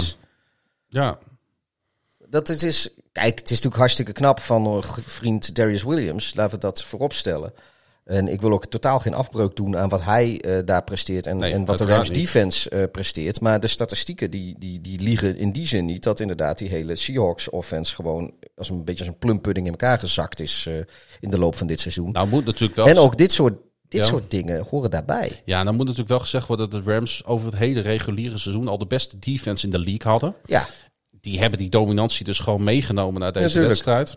De secondary had DK Metcalf en Tyler Lockett op één big play na goed in de tang. En met name Jalen Ramsey, eh, zijn naam viel al even, speelde ja echt werkelijk weer grandioos. Hij heeft wel eens wat wedstrijdjes gehad dit seizoen dat ik hem even wat minder vond. Dat waren ook gelijk de wedstrijden die de Rams verloren trouwens. Maar hij was weer helemaal terug. En de Rams lieten slechts 278 totale yards toe. En slechts 11 keer, nou weet je, dit, onherkenbaar, kwam Seattle tot een first down. Ja. Ik denk dat het misschien wel de slechtste eh playoff prestatie van Russell Wilson was in zijn hele carrière. Het is altijd makkelijk roepen natuurlijk na zo'n wedstrijd. Wat is, eh, wat is Wilson's playoff record? Is dat Weet wel ik zo, niet, Is dat, wel zo, is dat wel zo denderend? Volgens mij heeft hij... eh, ik heb, Ja, maar- De laatste jaren heb ik hem heel veel playoff wedstrijden. Volgens mij verliest hij vooral. Ja, maar goed, zelfs quarterbacks als Philip Rivers, die hebben een losing record in de playoffs. Dat is natuurlijk in, in deze sport Nee, maar Ross- Ross- ontzettend moeilijk om Nee, maar een, eh, Russell Wilson die wordt natuurlijk wel gewoon in het rijtje... eh, met, met, met Rodgers en Breeze en Brady genoemd... eh, over de laatste... Zeg maar het laatste decade van 2010 tot nu. dat is ook wel een en beetje terecht. en op, nou, Brady heeft natuurlijk weer een hand vol zo'n beetje. Ah, maar, weet je, maar de Seahawks hadden wel een 10-game home playoff win streak. Want dat weet ik wel. voordat ze deze wedstrijd verloren. En er werd voor het laatst in 2005 in het eigen stadion in, eh, in het naseizoen verloren. Dus dat is al wel een hele veelzeggende eh, statistiek natuurlijk. ja. Dus hij- het kan niet anders dan dat zijn playoff record winning is. Oh ja, maar het, het is misschien niet zo denderend als dat we denken. Ik zou, zou dat even kunnen... Ik, kan me die wedstrijd trouwens nog herinneren. Dat was tegen... de- 17-18. nou ja, is, dat is niet heel slecht hoor. Nee, dat klopt. Maar eh 17, 18. Nou, het, is, ja, het, het zijn ten eerste gewoon echt heel veel playoff wedstrijden. Ja. Maar ehm, Was nee, trouwens- dat is te was veel. trouwens Dat de- niet. is dat niet van de hele van Seahawks? de, van de St. Louis Rams was dat in 2005, als ik het goed heb. Maar dan moet ik heel diep graven in mijn... eh, Nee, die 17, 18 is, eh, is van de totale Seahawks. Ik dacht al, dat zijn ook veel te veel wedstrijden Ja. voor, eh, voor, voor, voor nou, laten we het even voor wat het is. Eh, we komen er misschien nog even op terug. Ik wou het toch nog even over de Rams hebben. En dan niet over de defense, maar de offense. Want de Rams speelden natuurlijk een groot deel van de wedstrijd zonder fitte quarterback. Er was opnieuw een basisplaats voor John de Wolfert. Die al in het eerste kwart geblesseerd naar het ziekenhuis werd afgevoerd met een nekblessure. Jamal Adams, daar is hij weer, tikte met zijn schouder de helm van Wolfert aan. En schijnbaar hard genoeg voor een op het oog nare blessure. Werd voor geflagd en die flag die werd ingetrokken. Vond je dat terecht? Ja, Oké. Jij niet? Nou, we hebben het over gehad. We hebben die, we- ja, ik heb, ja, ik heb dat natuurlijk ook zitten kijken. En we hebben het, hebben, volgens mij hebben we het hier al over gehad of niet. Of dat wel of niet terecht was. Als ik me goed herinner. Wij hebben, zaten hier volgens mij, eh, hadden we het er op de bank over tijdens eh, zondag. Ja. Hebben we het hier over gehad. Nou, ehm, Of was dat in, eh, of was het in die, eh, in die groepchat van onze ja, WhatsApp? dat Ik zal, het, dat, dat zal het zijn geweest. Nee, ik, ik, ik, ehm, ja, ik heb het er een beetje moeilijk mee. Ik weet het gewoon niet zo goed. Omdat het, het hangt er tegenaan. En dan zie je dat uiteindelijk dus zo'n speler wel behoorlijk geblesseerd, zelfs ziekenhuiswaardig geblesseerd eh, van het veld moet. Ja, maar da- daar kon Ramsey niet zoveel aan doen. Eh, je bedoelt eh, Of eh, ja, Adams. Adams, ja. Ik denk dat ik, op, ik wil op zich wel met je meegaan, maar ik heb er gewoon moeite mee. Maar dat komt omdat je de, uit, eh, de, de, de, de, afloop van, van de play weet en van de blessure. Ja, maar weet je, kijk, ik vind eh, Adams die eh, leidt niet met zijn helm. Ehm, Wolfert is een runner. Hij, hij, en dat is enige speler van het, van, van, van, op het veld mag een quarterback als hij, als hij rent gaan sliden. En op dat moment heeft hij zichzelf opgegeven en doet hij niet mee. Maar dat doet hij niet. Hij gaat niet met zijn benen vooruit. Hij gaat... eh, Ja, en toch. En hij had- probeert had- extra yards te pakken. En dat is prima, want als het een running back was geweest, als hij gewoon een running, als het Cam Akers was die op die manier door, eh, door Adams was getackled, had niemand er met een, had er geen haan aan gekraaid. Dan was dit gewoon zoals het gaat. Ja, en toch moet ik zeggen, want het, eh, als je goed kijkt, en dat is natuurlijk altijd zo in de herhaling, de knie van Wolfert was down en toen pas kwam de hit. Ja, maar En moet Adams dan inhouden? Kan dat dan nog? Weet ik allemaal wel. precies. En maar dat is ja, maakt dat is wel- wat uit? Want de Ja, uitkomst dat is belangrijk. De uitkomst, nou weet ik niet, want de uitkomst is wel een blessure. Want als je, je- nee, maar wat als je je niet kan inhouden, als, als weet je, de tackle is ingezet. Ja, maar hij neemt wel eh, moedwillig het risico eh, dat de speler down is en hij daarna dus een blessure veroorzaakt. Ja, maar dat doet uh, Wolford ook door niet met zijn benen vooruit te gaan, maar gewoon naar voren te duiken voor zoveel mogelijk yards. Ja, ik ben hier toch meer voor de protectie Ze gaan dan, alle- dan, ja, maar ze nemen allebei deze. risico. Ze nemen allebei Ze een nemen risico. allebei risico, dat klopt. En ehm, ja, wat ik zeg, uitgerekend de quarterback, dus uitgerekend John Wolford, Nou ja. heeft, heeft het ultieme beschermingsmiddel met de benen vooruit. Alleen dat kost, kost je twee yard. Eh, zullen we het behouden op een, op een randgeval? Ja, ik snap, ik snap ook dat die vlag in de eerste instantie gegooid werd, maar ik was blij dat hij weer opgepakt werd. Want ehm, ja, nogmaals, voor een running back, als een running back dit Mhm. doet, is prima. En in deze situatie moet je de quarterback behandelen als running back. Ik wil wel weer zo ver gaan. Kijk, het zal nooit gebeuren, want Tom Brady die is, gaat hij ten eerste niet zo ver aan de wandel. En ten tweede zal een Tom Brady of een Aaron Rodgers of Russell Wilson, wie dan ook maar, Ja. in deze situatie met zijn hoofd vooruit gaan duiken. Die zullen allemaal die sliding inzetten met de benen vooruit om zichzelf op te geven. Maar als het een van die quarterbacks was geweest, was die vlag nooit ingetrokken. Precies. Na het onderzoek in het ziekenhuis die was Wolf net op tijd terug op Lumenfield om in de kleedkamer de zege mee te vieren. De Rams moesten dus noodgedwongen terugvallen op Goff, die twee weken geleden nog geopereerd werd aan zijn rechterduim en dus net weer uit het ziekenhuis is. Goff speelde zeker niet spectaculair, maar maakte ook geen fouten. Dankzij de goede running game was volgens mij de juiste formule voor een overwinning al in de maak. Dus Goff hoefde ook niet spectaculair te spelen. Even heel snel, 9-7 is het postseason record van Russell Wilson. Dus een winning record. Ja. Maar eh, als je dan kijkt sinds eh, ze die, die, die Super Bowl gewonnen hebben, is het wel, eh, is het, wel- is het wel minder geworden. Ja. Maar goed, dat tot zover. Stijn Jansen die vraagt op Instagram: wat moeten de Seahawks doen zonder first round picks en slechts 13 miljoen cap space? Ja, dat is een goede vraag. Eh, want Seahawks hebben wel een probleem. Nou, ik had hier een heel eh, gevat, een geweldig eh, insightful antwoord op. Ja. Maar dat is een beetje weer teniet gedaan en ingehaald door de realiteit. Maar wat er gebeurd is, is die Snyder, de general manager van de Seahawks, die of hij heeft bij de Detroit Lions geïnterviewd voor eh, eh, de general manager jo- job daar, Ja. of hij eh, heeft, of hij is uitgenodigd. Ik weet niet of hij gesproken heeft. En ik had zoiets van ja, als, als je dus over het personeel van een zo'n franchise gaat. En je weet eigenlijk al dat je weggaat, want zijn contract liep af. Ehm, dan is het wel een beetje makkelijk natuurlijk voor jou om nog even wat, wat moves te maken. Om zo'n Adams te halen, om eh, de cap space eh, eh, uit te buiten, om draft picks weg te geven. Want tegen de tijd dat je daar last van hebt, ben jij al weg. Mm. Dus dan zeg maar even vlot winnen, dan lijk je, dan lijk je heel goed in waar je mee bezig bent. En als je dan weg bent, dan heeft de organisatie zit nog een beetje op de blaren die, die vero- veroorzaakt zijn door jouw handelen in het verleden. Maar dat is allemaal niet zo, want Snyder heeft bijgetekend bij de Seahawks. Ondertussen. Dat Ja. is geloof ik vandaag bekend geworden, als ik me niet vergis. Dus tot zover eh, mijn theorie. Dus ja, ik heb nu heel lang wat Ja. verteld, maar het gaat nergens over. Hij heeft natuurlijk alle lof eh, ooit eh toege, toege, hoe noem je dat? Toege, toegezwaaid, toege, toege, hoe noem je dat? Hij heeft alle lof gekregen. Jee, ja, nee, maar dat is ook het te, mezelf nee, dit, is, dit was ook geen kritiek. voor Wilson, Richard Nee, Sherman, Cam Chancellor, Cancel, het? ja, nee, maar het is, ook- het is ook geen sorry, kritiek. Tyler Lockett, Katie Wright, eh, Doc Baldwin, Thomas Walls, Ja, eh, nee, nee, Jermaine het, is, het, is, het is geen kritiek op hem. Het is alleen, ik kan me voorstellen dat als hij op een gegeven moment denkt van... nou, ik heb in Seattle niet zoveel meer te bewijzen en ik ga vertrekken na dit seizoen. Ja. Als hij dat al weet, dat hij dan wel een laatste hoera doet... en dat het hem dan makkelijk is om, om voor de komende jaren eh, Seattle op een niet zo gunstige plek neer te zetten... wat betreft cap space en draft picks. Ja, ik moet zeggen, Maar dat is dus niet het Nee, geval, want hij heeft bijgetekend. Hij is Maar ik dacht dus even dat hij weg zou gaan. Ik moet zeggen, ik vind het heel lastig om het nu al in te schatten. Want er kan nog zoveel veranderen tussen nu en volgend seizoen.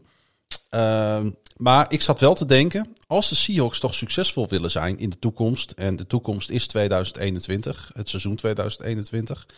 Dan is een goede running game voor Russell Wilson volgens mij onontbeerlijk. En dat is ook precies wat volgens mij aan schorten. Niet alleen in die playoff game van afgelopen weekend, maar ook de weken daarvoor. Eh, weet je, ze hebben dat die Chris Carson gehad. Ja, Eh, daarvoor die, Lynch niet natuurlijk. gehad. Ja, nee, eh, die, die hebben ze nu. Die heeft een matig seizoen gehad. Onder, ondanks trouwens een career, best 4,8 yards per attempt. Hij heeft nu zijn rookie contract uitgediend. En dus moet Seattle nu besluiten of ze met hem verder willen. Met deze toch wel wat blessuregevoelige running back. Nee, maar dat is helemaal geen bijzondere running back. Daar Nee, moet je, daar moet dat je, is hij ook niet. Dus ja, kijk, ze hebben niet zoveel draft picks. Maar, nee, maar dat is dus het probleem. Want Wilson je kan is... in de vijfde ronde nog nuttige running backs oppakken. Zorg voor een O-line en je, je hebt in de vijfde ronde running Precies. back kan het voor je doen. Nee, nee ja, goed, je, je maait een beetje het gras inderdaad voor mijn voeten weg. Want het is precies wat ik wou zeggen. Sorry, zo staat het in het script, want ik heb niet gelezen vooruit. Nee, dat staat helemaal niet in het script. Maar ik zit hier gewoon een beetje over te mijmeren. Want eh, ik weet dat Wilson Seattle's nummer 2 rusher was.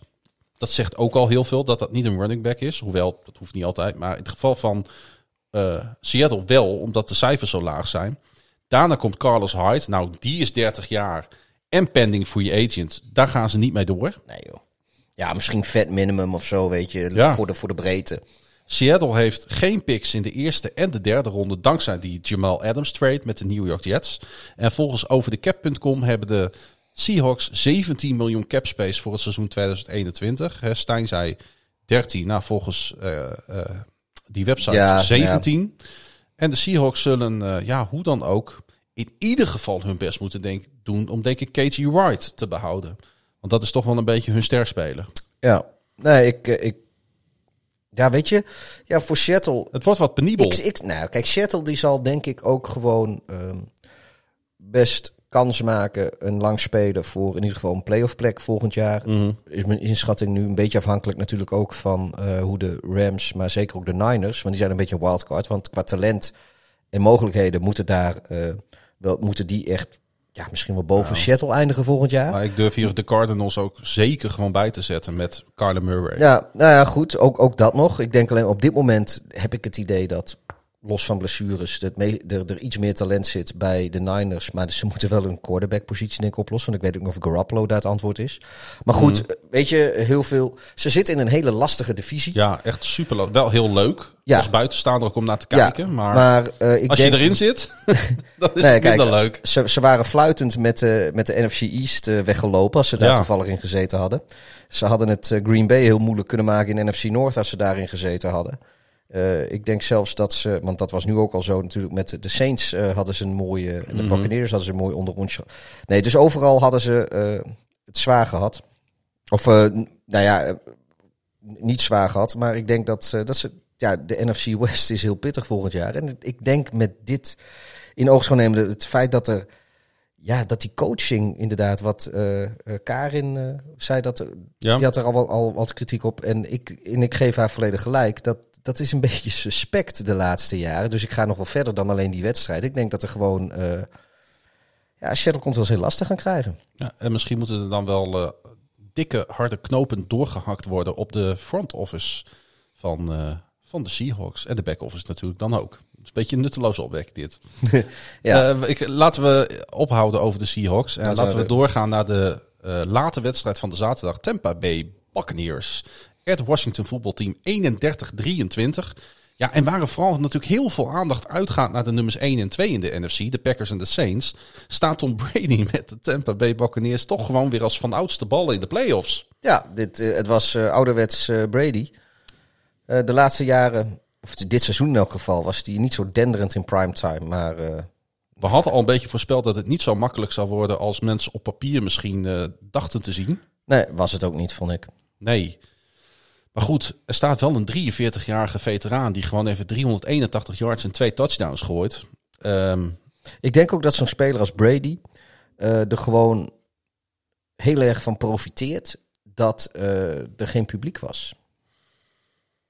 Daar in, eh, in Washington. Of tenminste, het is in Maryland waar ze spelen, maar in, in het stadion van de Washington voetbalteam. ja, zou kunnen. Want eh, Volgens mij ligt het in eh, Virginia. ik, ja, ik, ik, ik, ja, ik dacht dat ook altijd, maar nu hoorde ik weer mensen Maryland zeggen. Misschien, ik, weet, ik heb Nee, geen idee. Ik weet bijna wel zeker dat het eh, Virginia is. Maar FedEx Field was het, hè? Ja, maar dat is dan weer zo'n eh topografisch Ja, nee, dat klopt. feitje Ik, waar ik, de mensen ik had, niets aan hebben. Nee, maar ik had ook altijd een beetje dat idee. Alleen het stommige, stomme is dat ik dan steeds hoorde dat ze, dat ze in Maryland zou liggen. Nee. Baltimore ligt natuurlijk in Maryland. Eh, eh, FedEx Field is an American football stadium located near the Capitol Beltway in Prince George's County, Maryland. Oh. Hoe kom ik daar nou weer bij dan? Location in Landover, Maryland. Ja, ik dacht ook dat het Virginia was, maar ook wel een soort van grensgevalletje zijn. Onze luisteraars zijn nu echt uitgezoomd. Uitge, uitgezoomd, zie je, die luisteren al niet meer. Eh, maar goed, eh, Maar het was wel voor de Bucks natuurlijk de eerste playoff overwinning sinds het seizoen 2002. Het is wel zo'n playoff, hè? Ja. Dat met de Bills en de Browns en de Bucks. maar ook de Washington voetbal. Nou, oh, en inderdaad ook de Washington voetbalteam. Maar dat, dat is inderdaad, bedoelde ik te zeggen. Na, na eh, het seizoen wat er geweest is in die Mhm. NFC East. En ja, aan de ene kant hebben heel veel eh Washington voetbalteams fans een, een hekel aan die Dan Snyder, die eigenaar van die franchise. Maar ik denk toch, als in normaal seizoen had dit stadion had, was Heet, een, heet ook Snyder, voor de goede orde.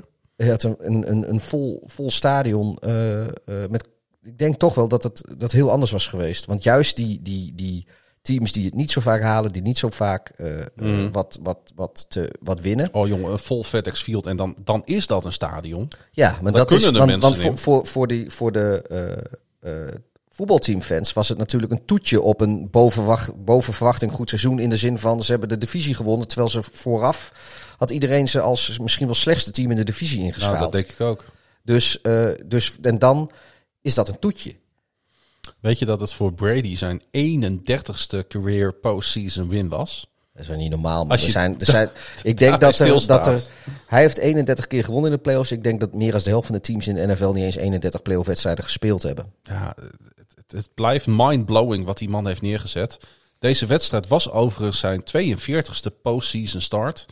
En eh, ja, de eerste zonder Patriots jersey natuurlijk om de schouders. Dus hij zal dat, dat zal voor hem toch ook even raar gevoeld hebben. Ja, maar het winnen gaat gewoon door. Ja. Dus dat. eh, Weet je dat deze wedstrijd ons eh, ook brengt bij eh, de biertoppen van de week? ja, ja. De bier, bier, bier topper. Week, week, week, week, week, week. Wij zijn zo goed met Oh, jingles. heerlijk dit. Eh, zijn collega aan de, aan de andere kant. We hebben trouwens, we zijn helemaal van onze principes afgestapt. Want in deze wedstrijd zit ook de Who's That Man. Maar dat Ja, komt, maar eh, er zijn zo we- weinig wedstrijden. Precies, dan kan dat natuurlijk een keer gebeuren. Maar ze zitten niet in hetzelfde team. Eh, nee, dat is waar. Dat eh, verzacht de omstandigheden enigszins. Zijn collega quarterback aan de andere kant, eh, Taylor Heineke. Ja, met zo'n naam moet je wel een keer. Moet je biertoppen van de week. Dat is eigenlijk dat is ook de enige reden waarom die biertoppen van de week is geworden. Nou, eigenlijk niet. Want ik, hij verraste me heel positief. En Heine- Heineken is natuurlijk eigenlijk niet een... een dat, is, dat heeft met, bier, met topbier en zo niet zoveel te maken. Hij eh, deed eigenlijk weinig onder voor Brady, zou ik bijna willen zeggen. Hij, Hij- begon de wedstrijd wat die- minder da- dan die- Brady, ja, maar, maar die- daarna waren ze toch goed aan elkaar gewaagd, hoor. Die, eh, die dive in de endzone, die touchdown eh, van hem, hè? dat was, dat was schitterend. Ja. Hij, Maar hij, hij was echt, hij viel super mee. En, en misschien die is jongen is ook nog wel mobiel. Ja.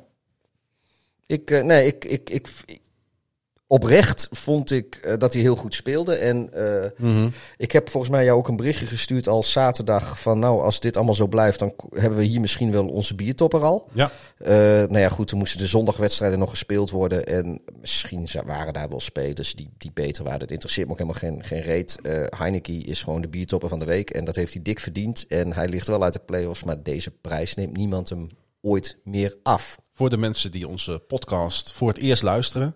De biertopper van de week is vernoemd naar onze sponsor, debiertopper.nl. En daar kun je heerlijke biertjes bestellen op die website. En met 10% korting als je de code NFL gebruikt. Volgens mij is de code nog steeds actief. Ja hoor. Het zal gewoon actief blijven zolang het eh, NFL-seizoen duurt. En als ik eh, straks weer niet met de auto hier eh, naar de studio kom voor een opname, zal ik ook met liefde weer biertjes van de biertopper tot mij nemen tijdens de uitzending. Nou, ik zou zeggen, neem een kijkje op die website. Want er zijn echt heel veel lekkere biertjes in allerlei categorieën te vinden. Ehm, ja, weet je, ik zat zo na te denken over die leeftijd van Brady. En ik heb geen moment in die wedstrijd gezien dat Brady die leeftijd heeft. Het is echt. Het, het, het- is, het is bijna een soort van, bui- van buiten deze planeet. Wat ik. ik weet je, ik. Misschien is hij wel zo'n zo een van de, van de lizard people. Ja, precies. nou, wou ik niet zeggen. Maar het is, eh, hij is de oudste speler ooit die een touchdown pass heeft gegooid in een playoff game. Weet je, en ik heb het idee dat we de komende tien jaar nog steeds Tom Brady gaan zien. Nou ja, in de NFL, maar dat snel werd een voorspelling gedaan. Dat hij eh, in 2045 eh, zijn 42ste seizoen in de playoffs gaat spelen. Ja, ik sta gewoon eh, nog steeds versteld van hem. En dat ik, Ja, verbaas ik- mezelf daarmee eigenlijk. Dat ik nog steeds met open mond zit te We kijken naar maken wat er wel grapjes over, maar het, het is gewoon... Ja, het is gewoon niks dan respect. En je kan er alleen maar, maar bewondering voor, voor opbrengen. Kijk, hoe, wij- hoe, hoe die man ook voor zichzelf zorgt. In een, in, ook in een sport waar je... Want kijk naar, naar Ben Roethlisberger. Die, eh, die heeft... Of, of ook naar, naar Philip Rivers. Die Mhm. misschien allebei eh, hun laatste seizoen hebben gespeeld. En misschien is Brady ook wel aan zijn laatste seizoen bezig. Ja. Maar Brady is ouder dan hun allebei. Maar van Brady ik zoiets, ja, die kan volgend jaar... Als hij, als hij verliest eh, van de Van de Saints. Van de, van de Saints. Ja. Ja, dan, dan zie ik hem de volgend jaar, kan hij zo nog een keer weer meedoen. Ja. En, en van Roethlisberger, die heeft af en toe wel eens momenten. Maar eigenlijk heeft hij ook al heel veel momenten de afgelopen jaren dat je denkt van nou eh, Ben, zo'n keer tijd. En inderdaad, wat we net zeiden over die Hill Mary van Philip Rivers, die, die, die gewoon een jaar of zeven voor de, voor de, Ja. voor de touchline eh, neer komt, dan denk je ook van, nou eh Philip, eh, aardige kerel, maar misschien is jouw tijd wel gekomen. En kijk, nu heeft Brady, die heeft nooit de sterkste arm gehad, hij is nooit het meest mobiel geweest, maar waar hij wel goed in is, is hij gewoon nog steeds heel goed in. Precies. Weet je, want ondanks die toch bijzonder sterke pass defense van Washington, wist Brady voor rust 12 completions te gooien voor 209 yards. En werd hij pas in de laatste minuut van de tweede kwart voor het eerst gesackt. En dat is echt heel knap tegen deze defense. En dan Ja. denk je misschien 12 completions, het is niet zoveel. Maar één, hij doet het voor 209 yards. En alles wat zij niet renden, maar gooiden, komt ongeveer dus aan. Ja, En het, het zijn, weet je, stuk voor stuk zijn het design plays. Dat zie je eraan af. Want hij, zijn, hij gooit bijna iedere completion was zijn first read. Ja en, maar, en, en, maar Brady is ook zo'n quarterback en daarom zijn het ook zoveel, zoveel En yards. right on dat, the money. Ja, joh. hij, gooit, hij, hij leidt zijn receivers altijd de ruimte in en, Ja. en naar het groene gras. Waardoor ze dus ook zoveel... Want het zijn niet, het zijn niet bijster veel air yards per se. Het zijn eh, yards Mhm. na de catch, die, eh, de, de, de jak, die, eh, die het hem vo- vooral doet. Maar dat komt ook gewoon als je, als je een goede quarterback bent... en je leidt je receivers naar het groene gras toe... dan komt die jak vanzelf. En eh, Brady is iemand die, die kan het als geen ander. Ja, kijk, weet je wat de toekomst brengen mogen? Mij geleid is hier een hand. Maar eh, Zo, dat zijn stichtelijke woorden om Ik zie hem, tien over drie s'nachts. ja, vroeger allemaal ingeprent gekregen. Maar ik, denk dat, ik denk dat we hem nog wel een tijdje gaan zien in de NFL. Heineke maakte de wedstrijd pas echt interessant in het derde kwart. Met onder andere inderdaad die 8-yard rushing touchdown... waarbij hij stijlvol met de bal naar de pylon dook. Een play die zelfs regerend Super Bowl kampioen Patrick Mahomes op de banken kregen. Gezien een enthousiaste, enthousiaste tweet van hem. Dat vond ik dan wel weer heel Ja. tof om te zien. Dat is toch ook mooi dat zo'n... eh, hij zit natuurlijk ook gewoon lekker tv te kijken. Ja, en hij twitterde niet veel. Maar toen hij de touchdown van Heineke zag, heeft hij Ja. daar een tweet over gestuurd. Nou, Vind ik mooi. Vind ik mooi, precies. Eh, misschien speelde Heineke wel zo goed, eh, wel zo goed. Ik moet even de klemtoon goed leggen. Dat hij een case voor zichzelf heeft gemaakt. Dat hij volgend jaar de eerste quarterback moet zijn in Washington. Coach Ron Rivera reageerde op die suggestie. Niet negatief, maar ook niet positief. We zien het wel. Waarschijnlijk gooit hij een muntje op en dan, eh, om die beslissing te nemen. Nee joh, weet je... Ik, Maar ik zij vind- kunnen na deze wedstrijd, na deze playoff prestatie, eigenlijk het niet maken Nee, om afscheid maar- van Heineke te nemen. Nee, maar kijk, eh, Ron Rivera die kan ook niet eh, zo direct naar zo'n wedstrijd met, eh, met alles, alle emoties en de, weet je, het, op dat moment is eigenlijk is het seizoen voor hun nog niet klaar, want er moet nog van alles geëvalueerd worden. Natuurlijk gaat hij geen uitspraken doen. Over, logisch eh, natuurlijk Het is een logische vraag. Het is een logische vraag om Ja. te stellen. Ben ik, eh, ben, ben, ben ik het helemaal met je eens. En ook met de journalist die die vraag stelde. Maar ik, ik ga ook helemaal mee met wat Rivera zegt van joh, daar, daar gaan we nu nog helemaal niet over. Nee, Dat dat- zien we wel. We gaan eerst het seizoen Nee, eens dat- evalueren en dan kijken we naar de toekomst. precies. En komt tijd, komt Heineken. Maar goed, wij, eh, wij stellen die vraag natuurlijk wel super grappig. De Buccaneers, die kunnen steeds meer leunen op Anto- Antonio Brown. Die nu vier op één volgende wedstrijden een touchdown pass heeft gevangen en optisch vol energie lijkt te zitten. Mike Evans was fit genoeg om te spelen. Vond ik zelf heel tof, want ik gunde hem dat van harte. En zette die, constat, eh, die, die constatering, namelijk dat hij fit genoeg was, kracht bij met zes catches voor 119 yards. Tampa Bay leed nog wel een gevoelig verlies met ehm right guard Alex Kappa, die een breuk in zijn enkel overhield aan deze wedstrijd. Tot zijn blessure miste hij dit hele seizoen slechts drie snaps. En dat zijn een beetje de... Oeh. Hoe moet ik dat zeggen? Dat zijn die onzichtbare linemen waar weinig aandacht voor Nee, is. maar daar is je team. Dat, dat, Waar je die team dragen je op- team. Ja. Exact. En daarom wou ik hem noemen. En daarmee hebben we ook een prachtig bruggetje naar de Who's That Man.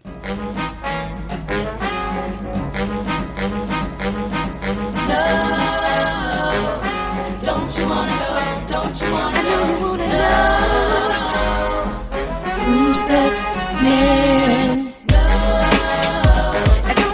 Want de Who's That Man van deze week is eh, A.Q. Shipley. Who? A.Q. Shipley. Ehm, en hij speelt, speelde, moet ik eigenlijk zeggen, voor de Tampa Bay Buccaneers. Eh, maar laten we beginnen bij het begin. Want eh, Shipley is geboren op 22 mei 1986 in eh Coraopolis. Zeg ik het goed? Coraopolis. Cor- We hebben het opgezocht. Pennsylvania, een stadje, zoals je er zoveel hebt in Amerika, met aan Fi- Fifth Avenue een bakker, een café en drie wapenwinkels. Het plaatsje, dat iets minder dan 6000 inwoners heeft, dat is ongeveer net zo groot als Renswoude in de provincie Utrecht, ligt ten westen van Pittsburgh aan de Ohio River. Hé, hey, daar hebben we de Ohio River weer. En Het schijnt dat eh Baker Mayfield daar een optrekje heeft eh, be- betrokken eh, recentelijk. en het ligt ten oosten van Pittsburgh International Airport. In zijn jongere jaren ging Shipley naar Moon Area High School in Moon Township. Als aanvoerder van het voetbalteam bereikte hij in 2003 de WPIAL Class AAA semifinals. In de Pittsburgh Post-Gazette werd hij geschaard onder de Fabulous 22 en in de Pittsburgh Tribune Review bij de Terrific 25. En hij kreeg ook een plekje op de Harrisburg Patriot News Platinum 33 list. En hij mocht in 2004 in de Big 33 Football Classic spelen. En waarom wou ik dit even noemen? Want ik vind het tof, want weet je, dit, dit, dit geeft aan hoe dit ingebakken zit in de, in de Amerikaanse cultuur. Hè? Dat, dat voetbal. Dat voetbal, ja, precies. Ja, ja. En En hoe- begint dat met al met, met flagvoetbal en Pop Warner en weet ik hoe het allemaal heet. voor Ja, die, voor en, die met, en met, met, met allerlei divisies, eh, minor leagues, zoals je die natuurlijk in het baseball ook hebt. Allemaal kranten die inderdaad per seizoen lijsten met talenten eh, eh, publiceren, waar je dan natuurlijk, ja, die statistieken. waar je die- natuurlijk tussen wil staan als lokaal jonge held. Ja, En waar denk ik ook uiteindelijk de eh, colleges naar kijken. ja, natuurlijk. Die, die, eh, die scouts, die zitten gewoon met kranten, met lokale kranten, zitten ze door te bladeren om te kijken van wat gebeurt er. Want ze kunnen niet overal zijn. Nee, die zitten denk ik inderdaad in die kranten te kijken van wat er, wat er gebeurt. Of ze, of ze horen eens iets of iemand. Of, eh, en wat volgens mij ook wel eens gebeurd is, dan heb je fanatieke ouders of misschien ook wel eh, Mhm. coaches van die high schools. Die sturen dan tape op als ze een sterspeler hebben naar Ja, bepaalde... Dat gebeurt ook inderdaad. Maar, en, en dan, nou ja, en op basis van, eh, van die videobeelden zou dan een scout van een universiteit komen kijken. Ja, Shipley speelde collegevoetbal voor Penn State, de beroemde staatsuniversiteit van zijn eigen staat, waar hij switchte tussen de offensieve en de defensieve lijn. Shipley stond tevens bekend als een uitstekende kerstman. Oh, dat, is... dat zijn nog eens weetjes, ja, hè? dat is een leuk weetje. Eh, Shipley werd gedraft door de Pittsburgh Steelers in de zevende ronde van de 2009 NFL Draft. is eigenlijk gewoon een hometown... eh, Ja, precies. En daarom, ik zei het al, onze Who's That Man heeft dat ook. Hij is, eh, hij is hometown gedraft door de, ik denk ook daarom. Weet je, zeven Ja. ronde. Ja. Je kunt nooit genoeg of hij is, ja, en hij is hebben. dusdanig, eh, dat, dat, dat, dat, hoe heet dat eh, dorpje van hem, eh, dat, dat Corapolis, dat ligt dusdanig dicht bij, Coraopolis. eh, dat ligt dusdanig dicht bij Ja, het ligt Pittsburgh. naast het vliegveld van Pittsburgh. Ja, dus hij, hij is waarschijnlijk is hij gewoon opgegroeid als Steeler-fan. Dat zou heel Dat, goed eh, kunnen. dat denk ik. Ja, ja de, iedere ouder maakt fouten, zeg maar. En ehm, de meeste jaren van zijn elfjarige loopbaan bracht Shipley door in Arizona bij de Cardinals van 2015 tot 2019. Maar hij speelde ook voor Philadelphia, Baltimore, Indianapolis en dit jaar dus voor Tampa Bay. En eh, ja, wij, wij kiezen altijd maar een speler uit, maar we kiezen een speler ook uit omdat hij een verhaal heeft. En omdat we iets voor het voetlicht willen brengen wat hè, binnen deze sport belangrijk is. En wat voor Shipley eh, aan de hand was, opeens is daar die ene wedstrijd. Namelijk de laatste. Ja. Ja, het, en, en dat is in de NFL, is dat, kan dat iets heel pijnlijks zijn. Want zonder waarschuwing is hij daar. ja, je weet van tevoren niet tenminste, Heel veel spelers weten niet wanneer ze hun laatste wedstrijd in de NFL spelen. dat is, eh, dat is voor, voor maar heel weinig spelers eigenlijk weggelegd. Ja. Zeven weken geleden namelijk was het zover in de laatste minuten tegen de Rams. Er is een moeilijke medische term voor wat hem overkwam, maar het laat zich het beste omschrijven als een kneuzing aan het ruggenmerg. Klinkt wel heel pijnlijk. Dat klinkt heel pijnlijk, maar het was op dat moment niet super dramatisch, zijn laatste momenten in de NFL.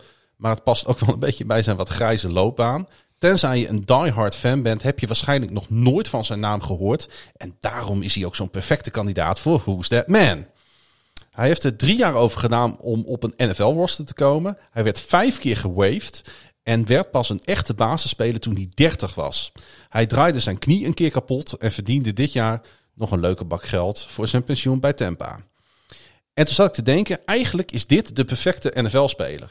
Ja, maar ook niet, niet alleen de, de perfecte, ook gewoon de, de typische NFL-speler. die niet zoveel voor het voetlicht wordt gebracht. Nee, want we kennen natuurlijk allemaal de, de sterrenspelers en de skill positions en de, de allerbeste linemen. En, en, de gekke, wat en de gekke bekkentrekkers. Ja, maar, maar het, kijk, er zitten 53 man op een game day roster. En eh, buiten je eigen team, waar, Mhm. als, je, als je het echt eh, goed volgt, dan kun je er waarschijnlijk, eh, als, je, als je er meer dan, dan 15 kan noemen van, van een willekeurige tegenstander, dan ben je denk ik al een, een hele, hele beste NFL-expert. Dan ben je een held. En Ja, ehm, In Nederland in ieder geval. ja, en, en dan zijn er dus nog eh, meer dan 30 mensen op dat roster. Die, eh, en dat zijn allemaal jongens als deze. Die hebben maar een paar jaar carrière. En die, die hoppen van team naar team. En die zitten dan weer een jaar inderdaad met de knie omhoog. En ehm, dit zijn de mensen die. Dit, dit zijn de typische NFL-carrières. En daarom, eh, daarom hebben we ook besloten inderdaad om, eh, om zo vrij laat in het seizoen nog even met zo'n speler te komen. Want straks zitten we natuurlijk. eh, Ja. Want wat kenmerkt hem nou? Nou, één, overal waar hij is geweest, toewijding, ijverigheid en makkelijk te vervangen. Ja. Klinkt pijnlijk, maar dat is wel een Dat beetje. is wel zo. Weet je, daarom eh, raakte zijn blessure mij eerder dit jaar een beetje. En nu heeft niemand het meer over hem.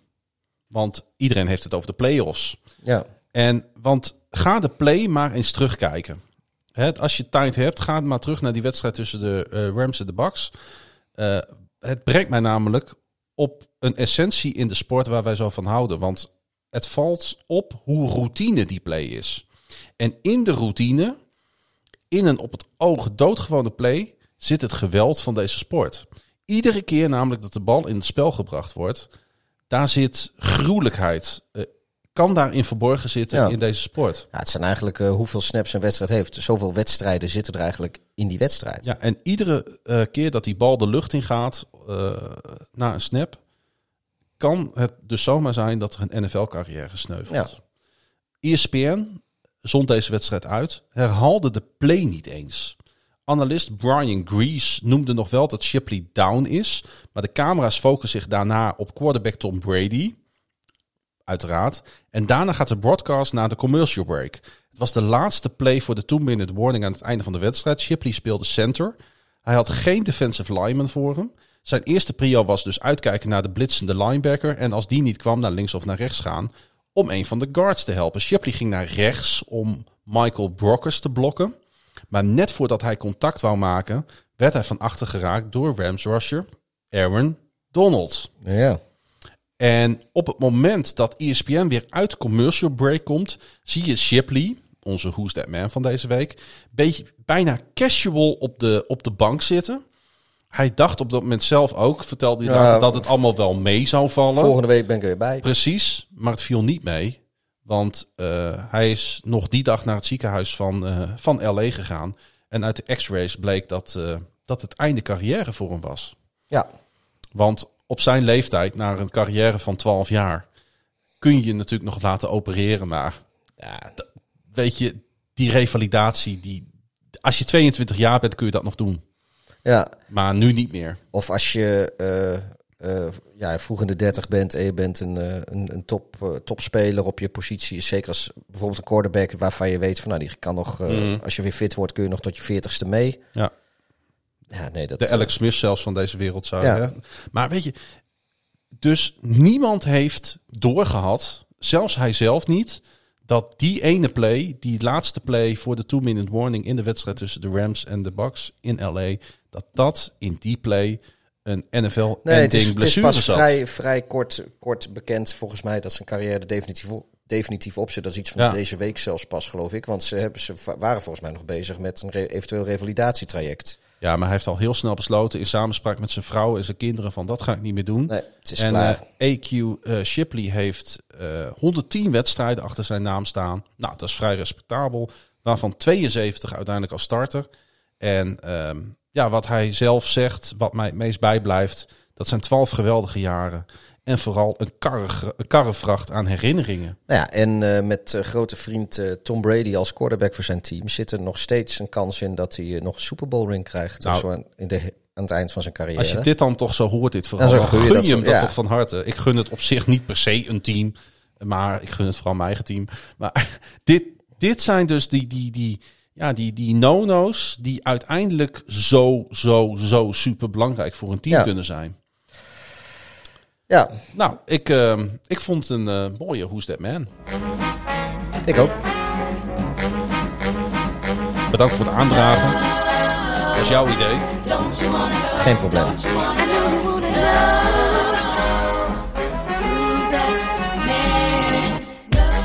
AQ Shipley. Wouter Holsapel, die eh, vroeg aan ons op de Twitters. Waarom was King Henry zo slecht? Oh, gaan we naar eh, eh, de volgende wedstrijd al? Zeker. Want ik, ben nog één dingetje wilde ik nog even melden over onze grote vriend Tom Brady. Zo belangrijk? Ja, want het is jouw podcast. hij heeft dus van de Washington voetbalteam gewonnen. En dat was dus ook nog even dat illustere rijtje records die die man al jarenlang Mhm. seizoen op seizoen het verbreken is. Zeventiende verschillende team wat hij versloeg in de In de playoffs. Zeventiende team alweer. Nu die natuurlijk in de andere conference speelt, gaat het, kan het hard gaan. Ja, en eh, eh, het mooie is dat hij daar nu ehm, alleen aan de leiding gaat. Want eh, Joe Montana staat, stond met 16 verschillende teams verslagen. Stond hij. Zijn niet de minste namen. hè? ja. Mag ik nu wel naar eh ja hoor, ga, ga? Ja. Ehm, hij vraagt zich af, waarom was King Henry zo slecht? Voor de goede orde, de Baltimore Ravens wonnen van de Tennessee Titans in Nashville met 2013. Ehm, ja, wat is het antwoord op die vraag, Pieter? Waarom was King Henry zo slecht? Nou ja, de, de King Henry had niet zijn beste dag, maar eh, de Baltimore defense dan weer wel. Dus eh, ja, ik, ik denk dat, eh, dat hij een groot, grote reden voor zijn slechte dag was, eh, was de defense van Baltimore. Ja, ik denk dat het, eh, ik denk dat het enige antwoord is, want aan zijn kwaliteiten kan het namelijk niet liggen. Nee, maar ik denk wel, hij was, hij was niet eh, helemaal zichzelf. De playcalling wa- was, was voor hem. Ja, het, weet je, het, het, het was sowieso niet, niet Tennessee's wedstrijd natuurlijk. Ehm, maar inderdaad, er was voor een groot deel te wijten aan eh, wat Baltimore er tegenover zette. Ja, en hij is natuurlijk binnen voor Lamar Jackson. Zijn eerste postseason victory. Vind je mooi, hè? Ja, nou ja, goed. En dat ook nog eens on the road in Nashville tegen angstgekner Tennessee, zouden we wel eh, kunnen zeggen. Eh, ja, dat tezamen met natuurlijk dat neutraliseren van King Henry maakt dat we de Ravens toch denk ik wel echt serieus moeten gaan nemen in de race, in de race om het AFC-kampioenschap. Maar dat, dat deden we toch al? We hadden, Nou, al, we hadden al besloten dat, eh, dat, dat teams liever niet tegen Baltimore zouden spelen. Nee, en dat is uitgekomen afgelopen weekend. Ondanks een eh, season low points hadden de Titans laat in het vierde kwart nog de mogelijkheid om gelijk te komen met de Ravens. Maar Marcus Peters, we hadden het al even over hem, wist echter een pass van Ryan Tannehill op Khalif Raymond te onderscheppen voor een interceptie. En de Ravens gaven de bal vervolgens niet meer terug aan de Titans.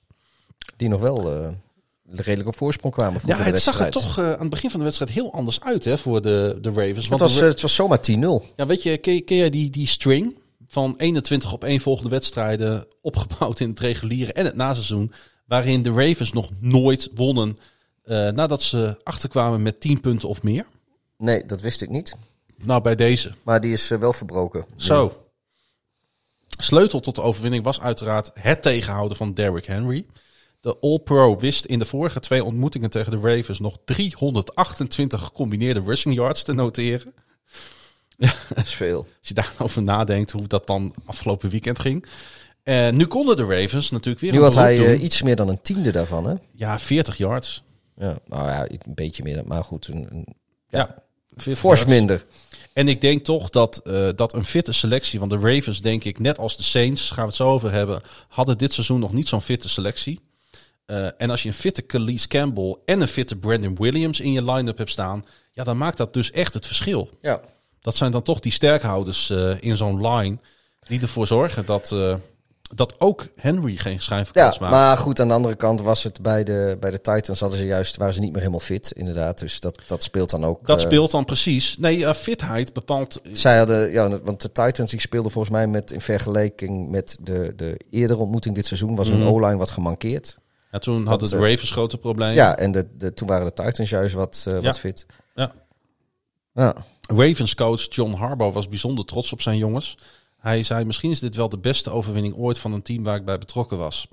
Al dus de coach die acht jaar geleden nog de Super Bowl won. Ja, dat, dat is een beetje, beetje Nou, weet je wat het is? Ik kan er niet zoveel Ehm, mee, hoor. Wij werden er ook eh, nou, niet op aangevallen, maar nog wel even op gewezen op Twitter.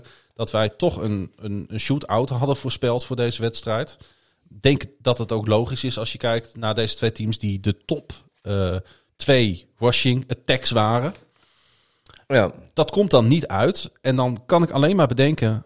Deze teams hebben dus zich zo goed geadjust, zo goed aangepast aan eh, de omstandigheden waarmee ze te maken kregen, namelijk elkaar. Eh, dan hebben ze gewoon eigenlijk allebei best wel een hele knappe prestatie geleverd. Ja, ja, ja. Dat ze elkaar dus in bedwang hebben gehouden. ja, het, was, het werd ook eigenlijk op de, een paar details werd, eh, die echt het verschil maakten. Ja, en de Ravens moesten natuurlijk ook wel dealen met een aantal eh, spoken uit het verleden. Eh, Lamar Jackson kan geen playoff wedstrijden winnen. Ja, is constant eh, geroepen. Ja, van, die lauwe takes, doe normaal. Die man, die, die jongen, die is... Hij is nu 24, geloof ik. Mhm. Dus dat betekent dat hij, dat hij vorig jaar was hij 23 in de playoffs. En kijk, dat, dat, dat, dat, dat, dat hij vorig jaar niet won, jongen, dat lag toch ook helemaal niet aan Lamar Jackson. Dat, dat, dat, dat, Nee, dat, nee, die hele Ravens, eh, dat hele Ravens team op de een of andere manier. En kijk, ik, het is makkelijk zeggen, maar dan kun je eigenlijk Harbo kwalijk nemen. Want er zat gewoon een Nee, soort klopt. van, van arrogantie in dat team. In de zin van, eh, ze keken toen al naar, eh, naar de AFC Championship game. Terwijl ze eerst nog maar eens de, de andere wedstrijden moesten winnen. Maar goed, dat, eh, de, de divisional eh, round was dat. Nou, daar is natuurlijk wel wat in veranderd. Want Harbaugh Ja, nee, heeft maar het nu wel serieus Ja, nee, aangepakt. d- nee, dat klopt. Kijk, en het is ook niet dat, dat Harbo niet weet hoe hij moet coachen. Want dat je zei, die man heeft acht Nou. jaar geleden nog een, eh, nog een Super Bowl gewinnen. En hij wint sowieso regelmatig in de playoffs. Maar dat lag niet aan Jackson, laat ik het zo zeggen. En als de coach dat op de een of andere manier niet lekker aanvliegt, dan kun je het een jongen van 23 niet kwalijk nemen dat hij dat ook niet meteen oplost. Nou ja, goed. En het jaar daarvoor, Ja, verloren ze van de Chargers. ja, en, Dat en- kan, en dat kan ook dat kan een Baltimore Ravens overkomen. Ja, en to- toen, toen was het eigenlijk, eh, weet je, dat was toch dat ze, dat ze moesten dan weer met Dat gaan spelen. ja. Omdat dat, dat, dat- van ze En de tweede ben- helft hadden ze met Vlekko moeten spelen. Je, want, wat, en met- toen, maar ja. toen was het nog echt een rookie, weet je. Dat was, helemaal, dat was sowieso een heel matig alles, ik, seizoen. ga, ik, ga, ik wil hier graag wat over zeggen. Van, met alles wat er met Tua is gebeurd dit seizoen bij de Dolphins, ben ik met terugwerkende kracht zo verschrikkelijk blij dat Harbo toen heeft gezegd, wat er ook gebeurt, Jackson is mijn quarterback, Jackson blijft staan en ook dit moet hij meemaken. En daar profiteren de Ravens nu van. Ja, ik, Daar ben ik echt van weet niet, overtuigd. ik weet niet of de, de situatie twee jaar geleden, of die, de, of wat de Ravens toen kan vergelijken met de Dolphins nu. Maar ik, Maar sna- je Eh, snapt nee, wel een nee, beetje nee, de- maar- de, de, lijn die ik hier trek. Ja, ja, ja, maar het, het gaat mij vooral om, om die lauwe, lauwe take van, van, van Jackson kan geen playoff wedstrijden winnen. En dan Nee, kijken ze naar die wedstrijd tegen op. de Chargers en tegen Ja, de maar Titans. hij krijgt dat wel te horen. Hij leest dat op social media de hele dag door. Het wordt Ja, maar dan is hij met reporters hem 24 wel oud genoeg dat hij zelf ook wel weet van jongens, eh, eh, ten eerste was met alle respect voor de Ravens, maar twee jaar geleden waren we een beetje een knakenteam die... Die jongen die Die- knipt die- sowieso die- niet zoveel met zijn ogen. Nee, en de hele aanvallende identiteit van de Ravens toen, die, die, die was op dat moment... Ja, weet je, eh Flecko die had zijn beste tijd gehad, maar je aanvallende identiteit was nog niet eh, geoptimaliseerd voor de, voor de kwaliteiten die eh, Jackson heeft. En de kwaliteiten die Jackson heeft waren toen ook nog niet eens helemaal tot wasdom gekomen. Daar moest nog een heel offseason ook weer overheen gaan. Mhm. Ja, genoeg over, over, over die onzin, weet je. Nee, Lamar. Jackson is gewoon een Goed uitstekende quarterback. Hier Maar, een lans voor breekt. Het was wel een beetje sneu voor de Titans, hè. Die voor het eerst in 12 jaar ook weer zo'n stat, weet je. Ook in de lijn, niet helemaal in de lijn Browns, Bills, maar toch alweer 12 jaar geleden dat ze een keer een thuiswedstrijd in de playoffs mochten spelen. En het is nu al de derde keer dat ze in postseason in eigen stadion van Baltimore verliezen. Dus die twee, daar begint wel een rivalry te ontstaan. ja, kijk, die hebben natuurlijk vorig jaar hebben ze in Baltimore Baltimore eruit getiefd. Ja. En eh, nou ja, nu weer- Gebeurden er ook wat vervelende dingetjes. Ja. Dansen op de logo's. Nu ook weer wat middelvingers over en weer. Ja, Ehm, die- dat soort dingen. Eh, er werd, werden ook geen handen geschud na de wedstrijd. Vond ik wel heel tof na de laatste play. Dus, eh, Lamar, het eerste wat hij doet is een gebaar maken van jongens wegwezen hier. Kleedkamer in. Nu. Ja, hij kwam, hij kwam nog wel even weer terug, want hij moest nog even de Hij moest, postgame, in, eh, hij moest postgame interview geven. Maar Ik ehm, denk dat de perschef van de Ravens hem daar even op moest wijzen. Want hij zat Ja. zo natuurlijk nog in die, in die focus. ja, Maar eh, de Ravens hebben zich niet laten verleiden tot, eh, eh, tot eh, zaken die we bij de Saints Bears wel hebben gezien. ja, nee, maar ik bedoel, na een wedstrijd kun je toch wel gewoon handjes geven. Eh, ja, maar ik heb beelden teruggezien. Er zijn spelers van Titans geweest die hebben tijdens de wedstrijden constant, echt, dit is echt serieus waar, middelvingers opgestoken. En dat zal andersom niet gebeurd zijn. Da- Daar gaat het niet om. Nee, maar weet je, dat, dat is. Handje- nee, maar- dat je dat in een wedstrijd doet, is prima. Want je precies inderdaad, daar gaan we het straks wel over hebben bij wat de, Saints en de Bears, eh, wat daar gebeurde. Maar eh, dat is allemaal leuk. En dat, dat, ja, weet je, als je op die manier eh, eh, je tegenstander wil opnaaien, dan, dan is dat op zich prima. Ik denk dat het handig was. maar dat de ik denk wel op het moment dat het laatste, laatste fluitsignaal geweest is, dan moet je ook gewoon kunnen, nou, weet je, dus nu gewoon klaar. En dan moet je juist misschien als. Het, de- er, gaat, er is iets aan het ontstaan tussen deze twee teams waar we denk ik ook wel van kunnen genieten de komende jaren wat dat betreft. ja. Het lag in ieder geval niet geheel aan de verdediging van de Titans, die misschien wel hun beste wedstrijd van het seizoen speelden. Jackson werd vijf keer gesackt en kwam door. En eh, de verdediging kwam ook door met één interceptie. Met name na rust konden de Titans Jackson niet meer goed in toom houden. Lamar rende voor ruim 100 yards. En het was slechts de zesde keer ooit dat een quarterback dat presteerde in het naseizoen. Waarvan twee keer door Lamar Jackson zelf. En eh, ook twee keer door ene Colin Kaepernick. Dus zes keer is er een quarterback in het verleden van de NFL geweest die in een playoff wedstrijd meer dan 100 yards rende. Twee keer Kaepernick, twee keer Jackson. Oké. Om even aan te geven natuurlijk eh, waar die kwaliteiten van, eh, van de heren liggen. Ja. Hoogtepunt in de wedstrijd, ja, ik denk dat je het daar toch wel mee eens kan zijn. Dus die, was die 48 yard touchdown run. De tweede touchdown run door een eh, quarterback in Super Bowl era achter, ja, daar is hij weer, Kaepernick. Die, ik weet niet of je dat nog weet, tegen de Packers in januari 2013, die 56 yarden noteerde. Dat was ook een Ja. grandioze touchdown was dat. En over de run van Jackson was Harbo weer lyrisch. Hij zei de beste run ooit door een quarterback. Eh, hij vond het zelfs nog een betere run dus als, eh, als die beruchte run Ja. tegen de Bengals. Ook, ook daar zeg ik over, Harbaugh moet dat, eh, moet dat vooral zeggen. Ja. En lekker korreltje zout erbij, want eh, Nou ja. Verder vond ik nog heel even opvallend de gemiste field goal door Justin Tucker. Die met een NFL best 90,7 kicking percentage op field goals over het algemeen gezien wordt als de beste kicker in de league. ja, maar ook als je niet perfect bent, kun je nog steeds de beste zijn. Hè? Nou ja, goed, hij is met 90,7 niet perfect. Een 52-yard try vroeg in het vierde kwart ging net aan de verkeerde kant van de paal het netje in. En Tucker had tot afgelopen zondag, en dat moet je even dat bedenken, tot afgelopen zondag 48 op één volgende field goals gemaakt in het vierde kwart of overtime. Dus op de momenten dat het erom gaat, als het game winning ja, ja, ja. is, weet je, dan opeens, eh, dan staat hij er altijd. En ik eh, moet daarbij natuurlijk even terugdenken aan de eh, field goal van vorig jaar tegen de 49ers, waar wij bij waren in Amity Bank Stadium. koud en nat. Ja, maar hij doet dan in die omstandigheden, als het om gaat, dan, dan geeft hij altijd thuis. Ja. Ehm Henk Kiel, die vroeg zich af, de Ravens moeten nu tegen de Bills. Zijn de Bills niet een tikkie completer? ja, en ook een tikkie beter in, in vorm, weet je. Die zijn, zijn nog hot. Maar ja, het is goed, dat zijn de Ravens ook.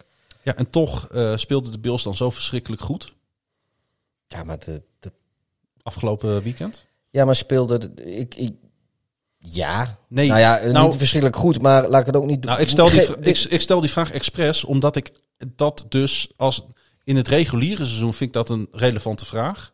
Ik vind het nu in de playoffs veel minder relevant. Want het zijn gewoon drie wedstrijden en dan ik- sta je in de Super Bowl. hè? het gaat ja, alleen nee, maar om winnen. Ik, ik, vond de, ik, vond de, ik vond de Ravens nou ook niet per se denderend spelen. Want ik bedoel, die Tennessee defense, dat is eh, geen goede verdediging. En de Ravens kwamen ook niet verder dan 20 maar heb jij één team gezien in deze Nee, playoffs die aan beide kanten van de bal Nee, maar dat is ook... eh, speelde dat je dacht van ja, ho, Nee, maar weet je, dat komt ook Hier- omdat de beste niet- teams spelen tegen elkaar. Dus Ja. je gaat maar... eh, kijk, zijn vraag is, zijn de Bills nu een tikje completer? En, dat, en de deel wat weg is, is natuurlijk eigenlijk van dan de Titans. Dat is wat die, waar die de Bills dan mee vergelijkt Mhm. qua compleetheid. En eh, niet de Ravens, neem ik aan.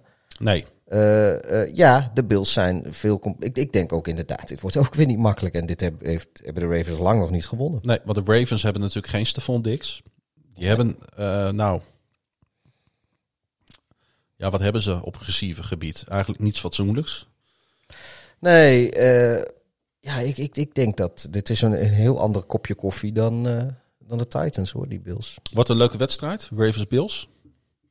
Ja, ehm, ik, ik kijk er in ieder geval heel erg naar uit. Ik weet niet, ja, op voorhand, ja, ik denk wel dat dat leuk wordt, ja.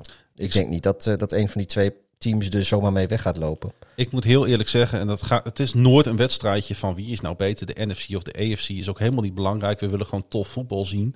Maar als je toch aan de ene kant de AFC kijkt, met Lamar Jackson, met Josh Allen, met Baker Mayfield, met Patrick Mahomes, allemaal in dezelfde leeftijdscategorie.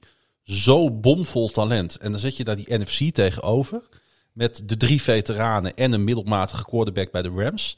Hoe verschrikkelijk veel nu, het, nu zeg maar er nog nee, acht nee, maar jij, zijn. Jij, kijk, je, je, je noemt dan eh, de namen van de quarterbacks in de, in de AFC.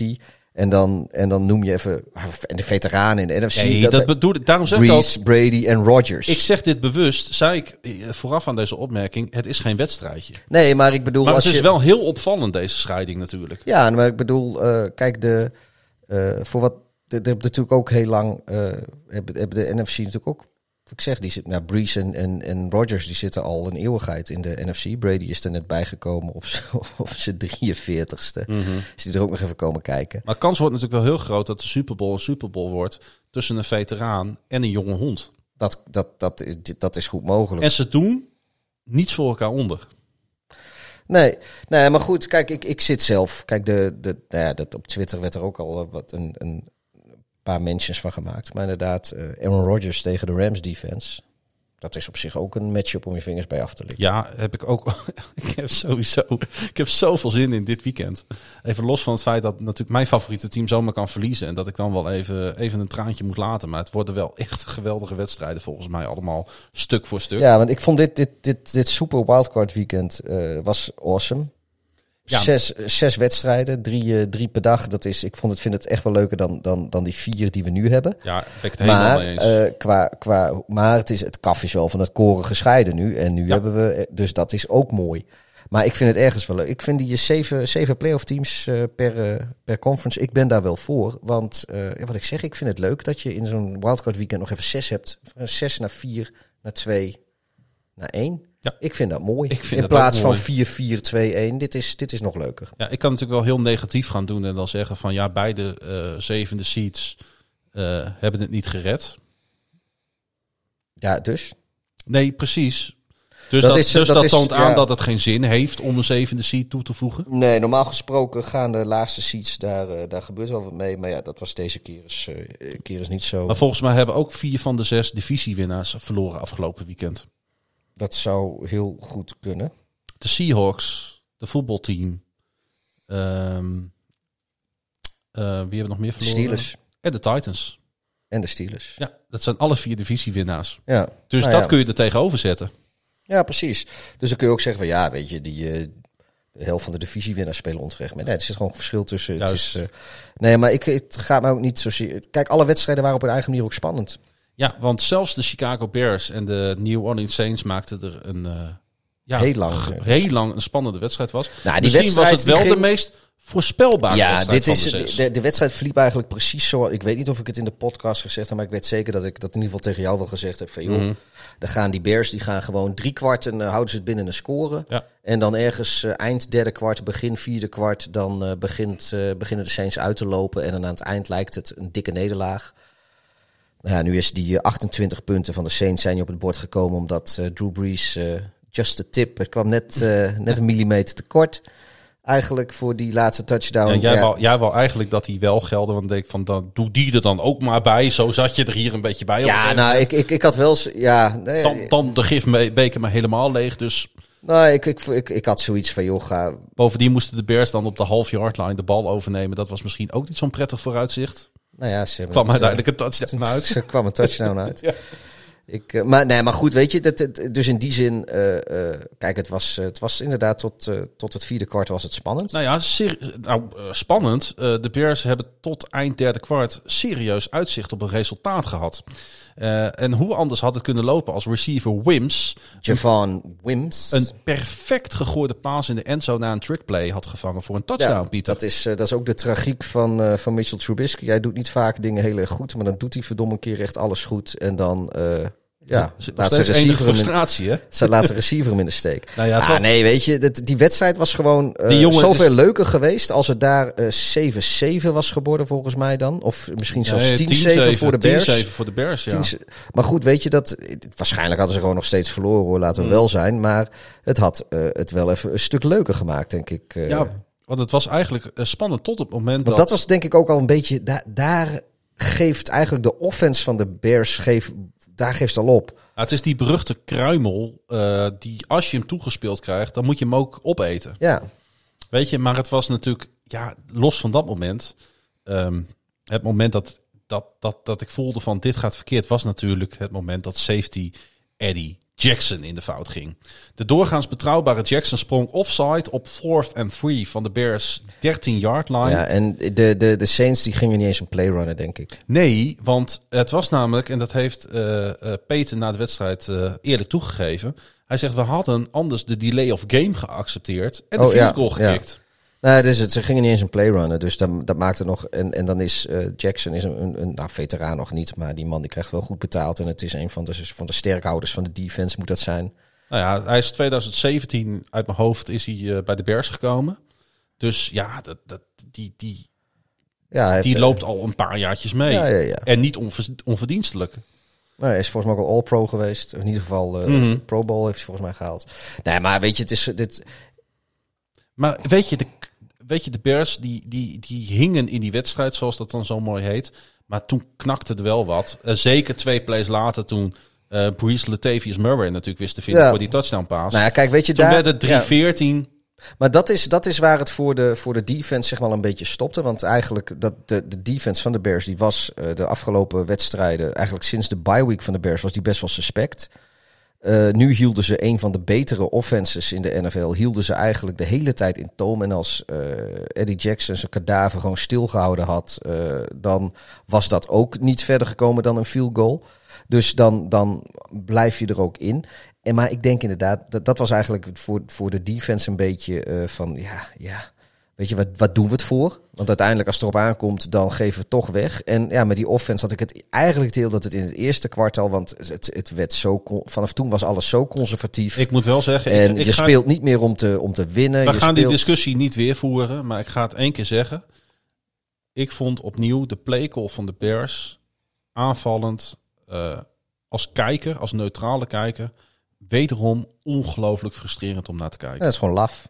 Gewoon laf. Ja, en ik. En eh, als, of dat nou is, weet je, het, nou, het interesseert me niet waarom dat is. Ik heb, je, je staat in die play-offs en nee heb je, ja kun je krijgen. juist. Eh, en Je, je, bent de zevende seed, je hebt niks te Nee, verliezen. En, en op het moment dat je dan iets exotisch doet en, en je slingert die bal een keer diep, dan zie je dat het ook gewoon goed kan gaan. Want die play, die kunnen ze nog tien keer runnen en, op, en negen keer vangt Wims hem denk ik wel hoor. Het is natuurlijk Want niet het was- het was is ook- niet hoefde- eerste of tweede receiver. Hè. Dat, er is een reden dat hij derde, vierde op de depth Dat, dat, bij de dat, dat klopt, maar hij hoefde niks te doen om die bal te vangen. Hè? Die bal die was echt perfect. Kijk, het is zoals Allen Robinson, daar kun je nog van vragen om een 50-50 bal, om, of Ja. een diving catch of een one-handed catch. Weet je, dat, dat, dat, dat zijn dingen voor, voor, zelfs, voor Robinson. zelfs Mooney, die er dan niet bij was. nou, ik denk dat deze vragen. play eigenlijk voor Mooney was. Weet je, de, dit- deze play, die hebben Dat ze dacht de hele ook, week hebben dacht ik ook aan inderdaad. Die hebben ze voor, maar ja, En dan gaat hij mee. naar je derde, misschien zelfs wel vierde receiver. Ja, en, Ja. en eh, weet je, deze hele ellende eh, is terug te herleiden. Toch denk ik aan eh, dat je dat de eerste wedstrijd dit seizoen tussen de, de, de Bears en de Saints. Toen heeft, was Javon Wims was degene die die klappen uitdeelde. Toen heb ik hier in de podcast gezegd van nou, je wordt gekut. Dat is niet gebeurd Hij werd wel twee wedstrijden geschorst door, door de NFL, maar niet door de Bears. De Bears Nee. hadden hem die maandag had hij op straat moeten staan.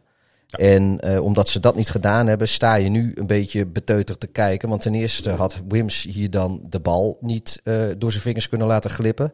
Dan had, weet ik veel, Riley Ridley of weet ik veel wie had, was er voor deze play geweest. Want waarschijnlijk was Mooney wel geblesseerd gewoon natuurlijk. Maar ook, eh, ja, weet je, die, eh, deze wedstrijd was het eh, Anthony Miller die zich eh, op liet naaien door CJ Garner-Johnson en een, een, een tik uitdeelde en eruit gegooid werd. Maar denk jij nou dan dat Miller dat gedaan had als Wims gewoon direct ontslagen was geweest als ze die gekort hadden na de eerste wedstrijd? Wims die deelt een tik uit in zo'n wedstrijd, wordt geëject. Het is, wat is het, week 8 of zo. Ja. En eh, de Bears die zeggen, nou, Toedeledoki, je, je, van jouw diensten maken we geen gebruik meer, rot maar op. Op dat moment, dan geef je een signaal af en dan gaat zo'n Miller dat toch ook niet meer doen. Dan gaat zo'n Miller toch niet, die denkt van, joh, ik sta boven Wims in de, in, op de depth chart in de rangorde van receivers. Als hij mag blijven, nou, dan zullen ze mij ook wel niet straffen. Dat is het signaal wat je als organisatie hebt afgegeven. Ja. En dat is waarom ze hem hadden moeten korten. En daarbij moet dan toch aangetekend worden, en laten we dan eerlijk in zijn, dit zijn dus niet de meest intelligente jongens. Nee, dat hebben we al eerder gezegd. En die kijken dus anders naar zo'n eh, incident als wij dat doen. Ja, kijk, en dan ik- gebeurt dan de, dus dit. Nou ja, kijk, weet je, het is En het natuurlijk is- ook eh, van mij pure speculatie dat Miller dit niet gedaan zou hebben als eh, Wims gekort was. Maar ja, het was Maar wel om- duidelijk een punch weer. Hè? Oei, oei. Dat, Nou, en het was zo achterlijk dom, want de woensdag voor de wedstrijd, dus als de mensen dit luisteren, precies een week geleden, hebben de Bears speciaal nog een meeting gehouden met de offense over CJ Garner-Johnson, dat hij een instigator was en dat ze hem moesten negeren. Specifiek op Garner-Johnson zijn ze ingegaan. ja, En dan heb je nog inderdaad wat er in de eerste wedstrijd is gebeurd met eh, vriend met Wims. Wims. Ja. En dan doe, doe je dit nog, alsnog, weet je, als Miller. Ik bedoel, hoe, hoe debiel ben je? Kun je zeggen dat Gardner Johnson iets goeds gedaan heeft voor zijn team? Ja, nou ja, goed. Kijk, we, ja, ik bedoel, als zo'n instigators, eh, alle, alle sporten hebben die, dat hoort erbij. Ja. is allemaal leuk en aardig.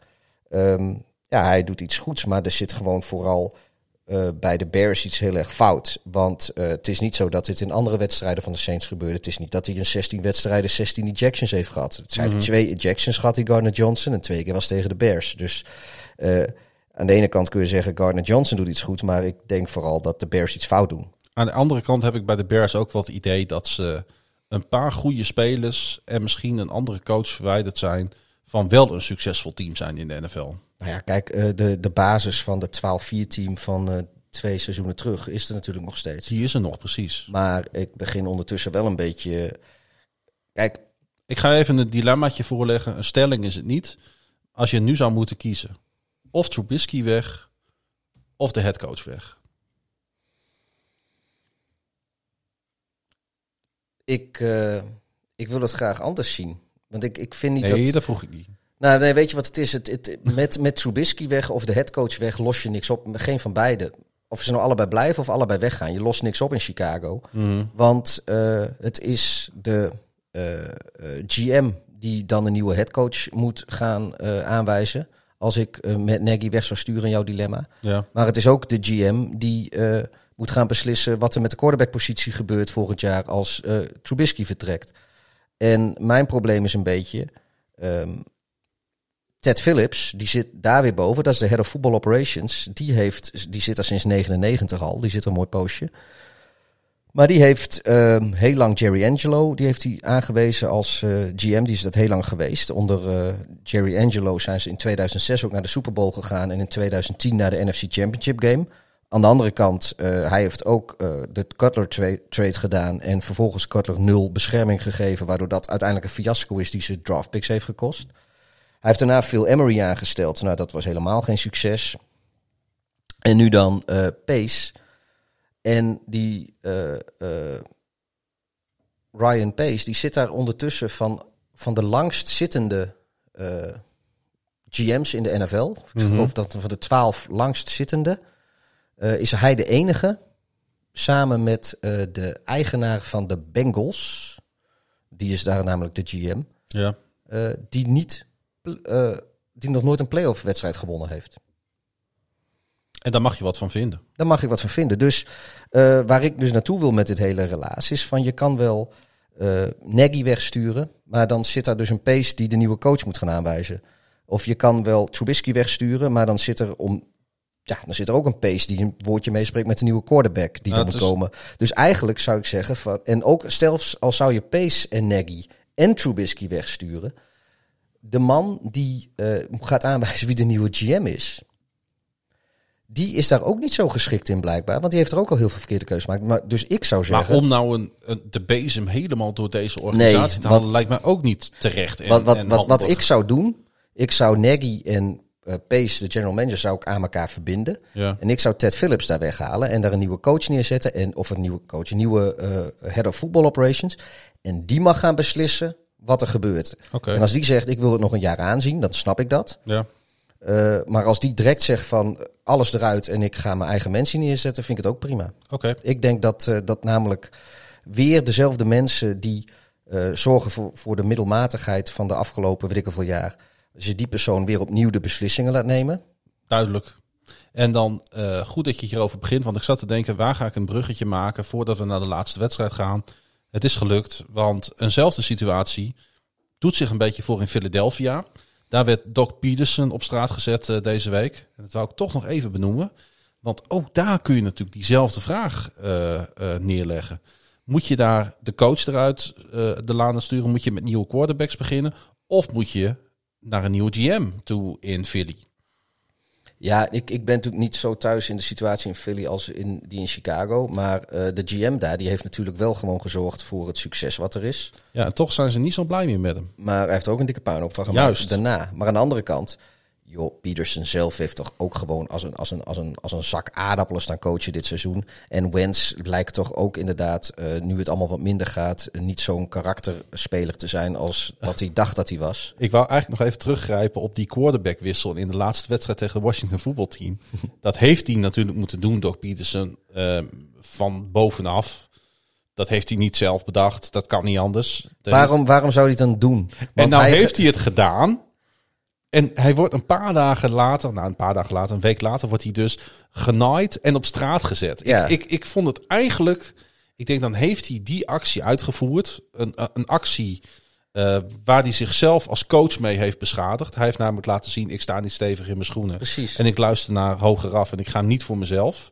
Maar ik ga voor de organisatie. En dan diezelfde organisatie, die zet jou een week later op straat. Ja. En ik vond het eigenlijk, weet je, ik dacht van dat verdient hij dan weer niet. Nee, en nu is, eh, Dat er zo met hem omgegaan wordt. ik geloof, nu is volgens mij die, eh, die offensive coordinator van eh, de. Volgens mij is die van. Moet ik even. Nou, ik, ik moet even. Maar in ieder geval, de, de Jets die gaan voor de tweede keer iemand interviewen. Ja, Die, nee, wa- wacht even. Die nu voor- door de Eagles ook voor de eerste keer is uitgenodigd. Ehm, klopt, heb ik met, ook gelezen, Met, maar- in je, met in je achterhoofd nu wat, wat de Eagles, eh, zeg maar, Peterson geflikt Mhm, hebben. mhm. Nu weet ik wel dat de, Jet, de, de Jets bepaald ook niet de meest stabiele organisatie zijn. Maar daar zou je ook de situatie in, in, in New York bij de Jets is wat betreft draft picks en cap space. En daar kun je ook nog gewoon kiezen of je gaat voor een eh, goede quarterback in deze draft. Of je gaat het met Sam Darnold proberen. Of je gaat die, die pick van de, van de Jets wegtreden voor een shitload aan andere picks naar een team die wel een van die top vier quarterbacks wil hebben. Daar liggen goede opties. Absoluut. En ehm, nu normaal gesproken zou je zeggen dat eh, Philadelphia een betere eh, plek, betere bestemming is dan de Jets.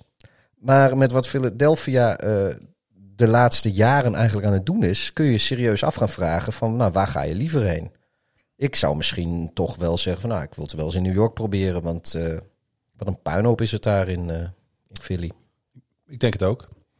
Goed, ik wou het eh, toch even genoemd hebben, omdat ik het...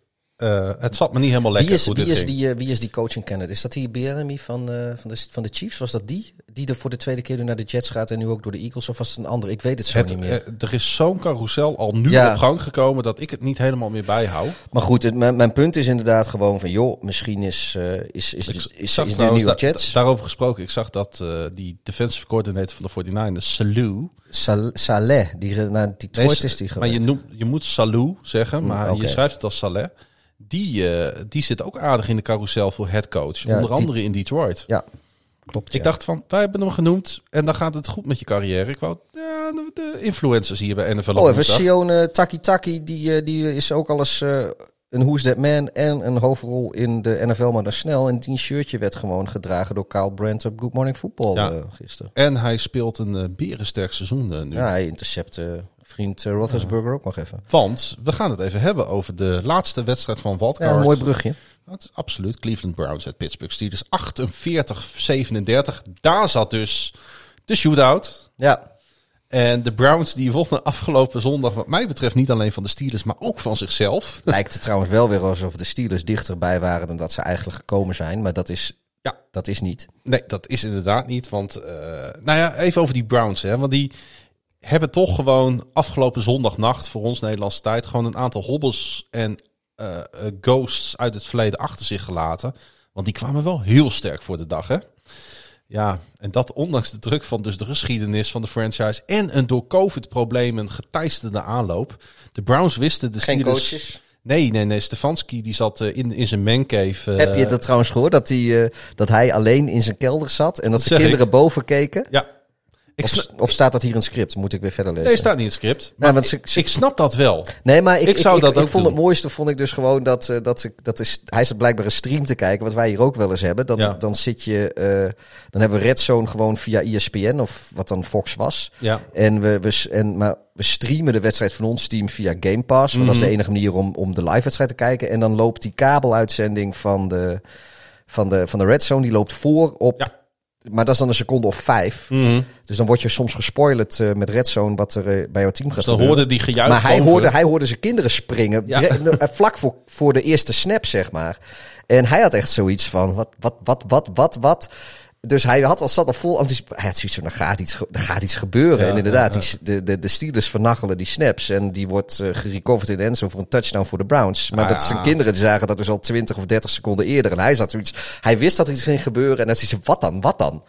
En nou ja, ik vind dat gewoon een leuk verhaal. Want je kan je eigenlijk niet voorstellen dat je als coach gewoon in de kelder naar een playoff wedstrijd, de eerste playoff wedstrijd in een fucking eeuwigheid voor de Browns, dat, dat je daar, en je hebt dat als coach, heb je dat, dat allemaal bereikt. En dan zit je gewoon in de kelder te kijken op een stream die zo brak is dat zelfs je kinderen eerder weten wat er met jouw team gebeurt dan jezelf. Ik, ik vond dat mooi. Ja, ik vond het ook mooi dat hij na de wedstrijd werd hij gefacetimed door, eh, door, door de spelers van de Browns om toch even mee te kunnen doen in die, eh, in die celebration. En eh, het geeft wel wat aan eh, dat daar een team gebouwd is dit jaar. Ehm, en als beloning mag Cleveland het komend weekend opnemen tegen de verdedigend Super Bowl kampioen Kansas City. De Browns gingen voor rust helemaal los op de Steelers. Quarterback Baker Mayfield gooide 263 yards in drie touchdowns. Waaronder een prachtige screenpass naar Nick Chubb. Die de paas op waarde schatte en wist om te zetten in een 40 yard score. Weet je trouwens dat eh, Baker Mayfield de oudste quarterback in de AFC playoffs is? Ja. Ja, dat, nou ja, goed. Ik gaf het net al aan. 14 april 1995 mensen, hij is de oudste. Nou, we hebben er even wat eh, aandacht aan gegeven. En wat het grappige dan weer was, daar hadden we het bij Ellen ook over. De vorige keer dat de Browns een playoff wedstrijd wonnen, was Mayfield nog niet eens geboren. Want die playoff wedstrijd werd gespeeld op nieuwjaarsdag 1995 tegen New England.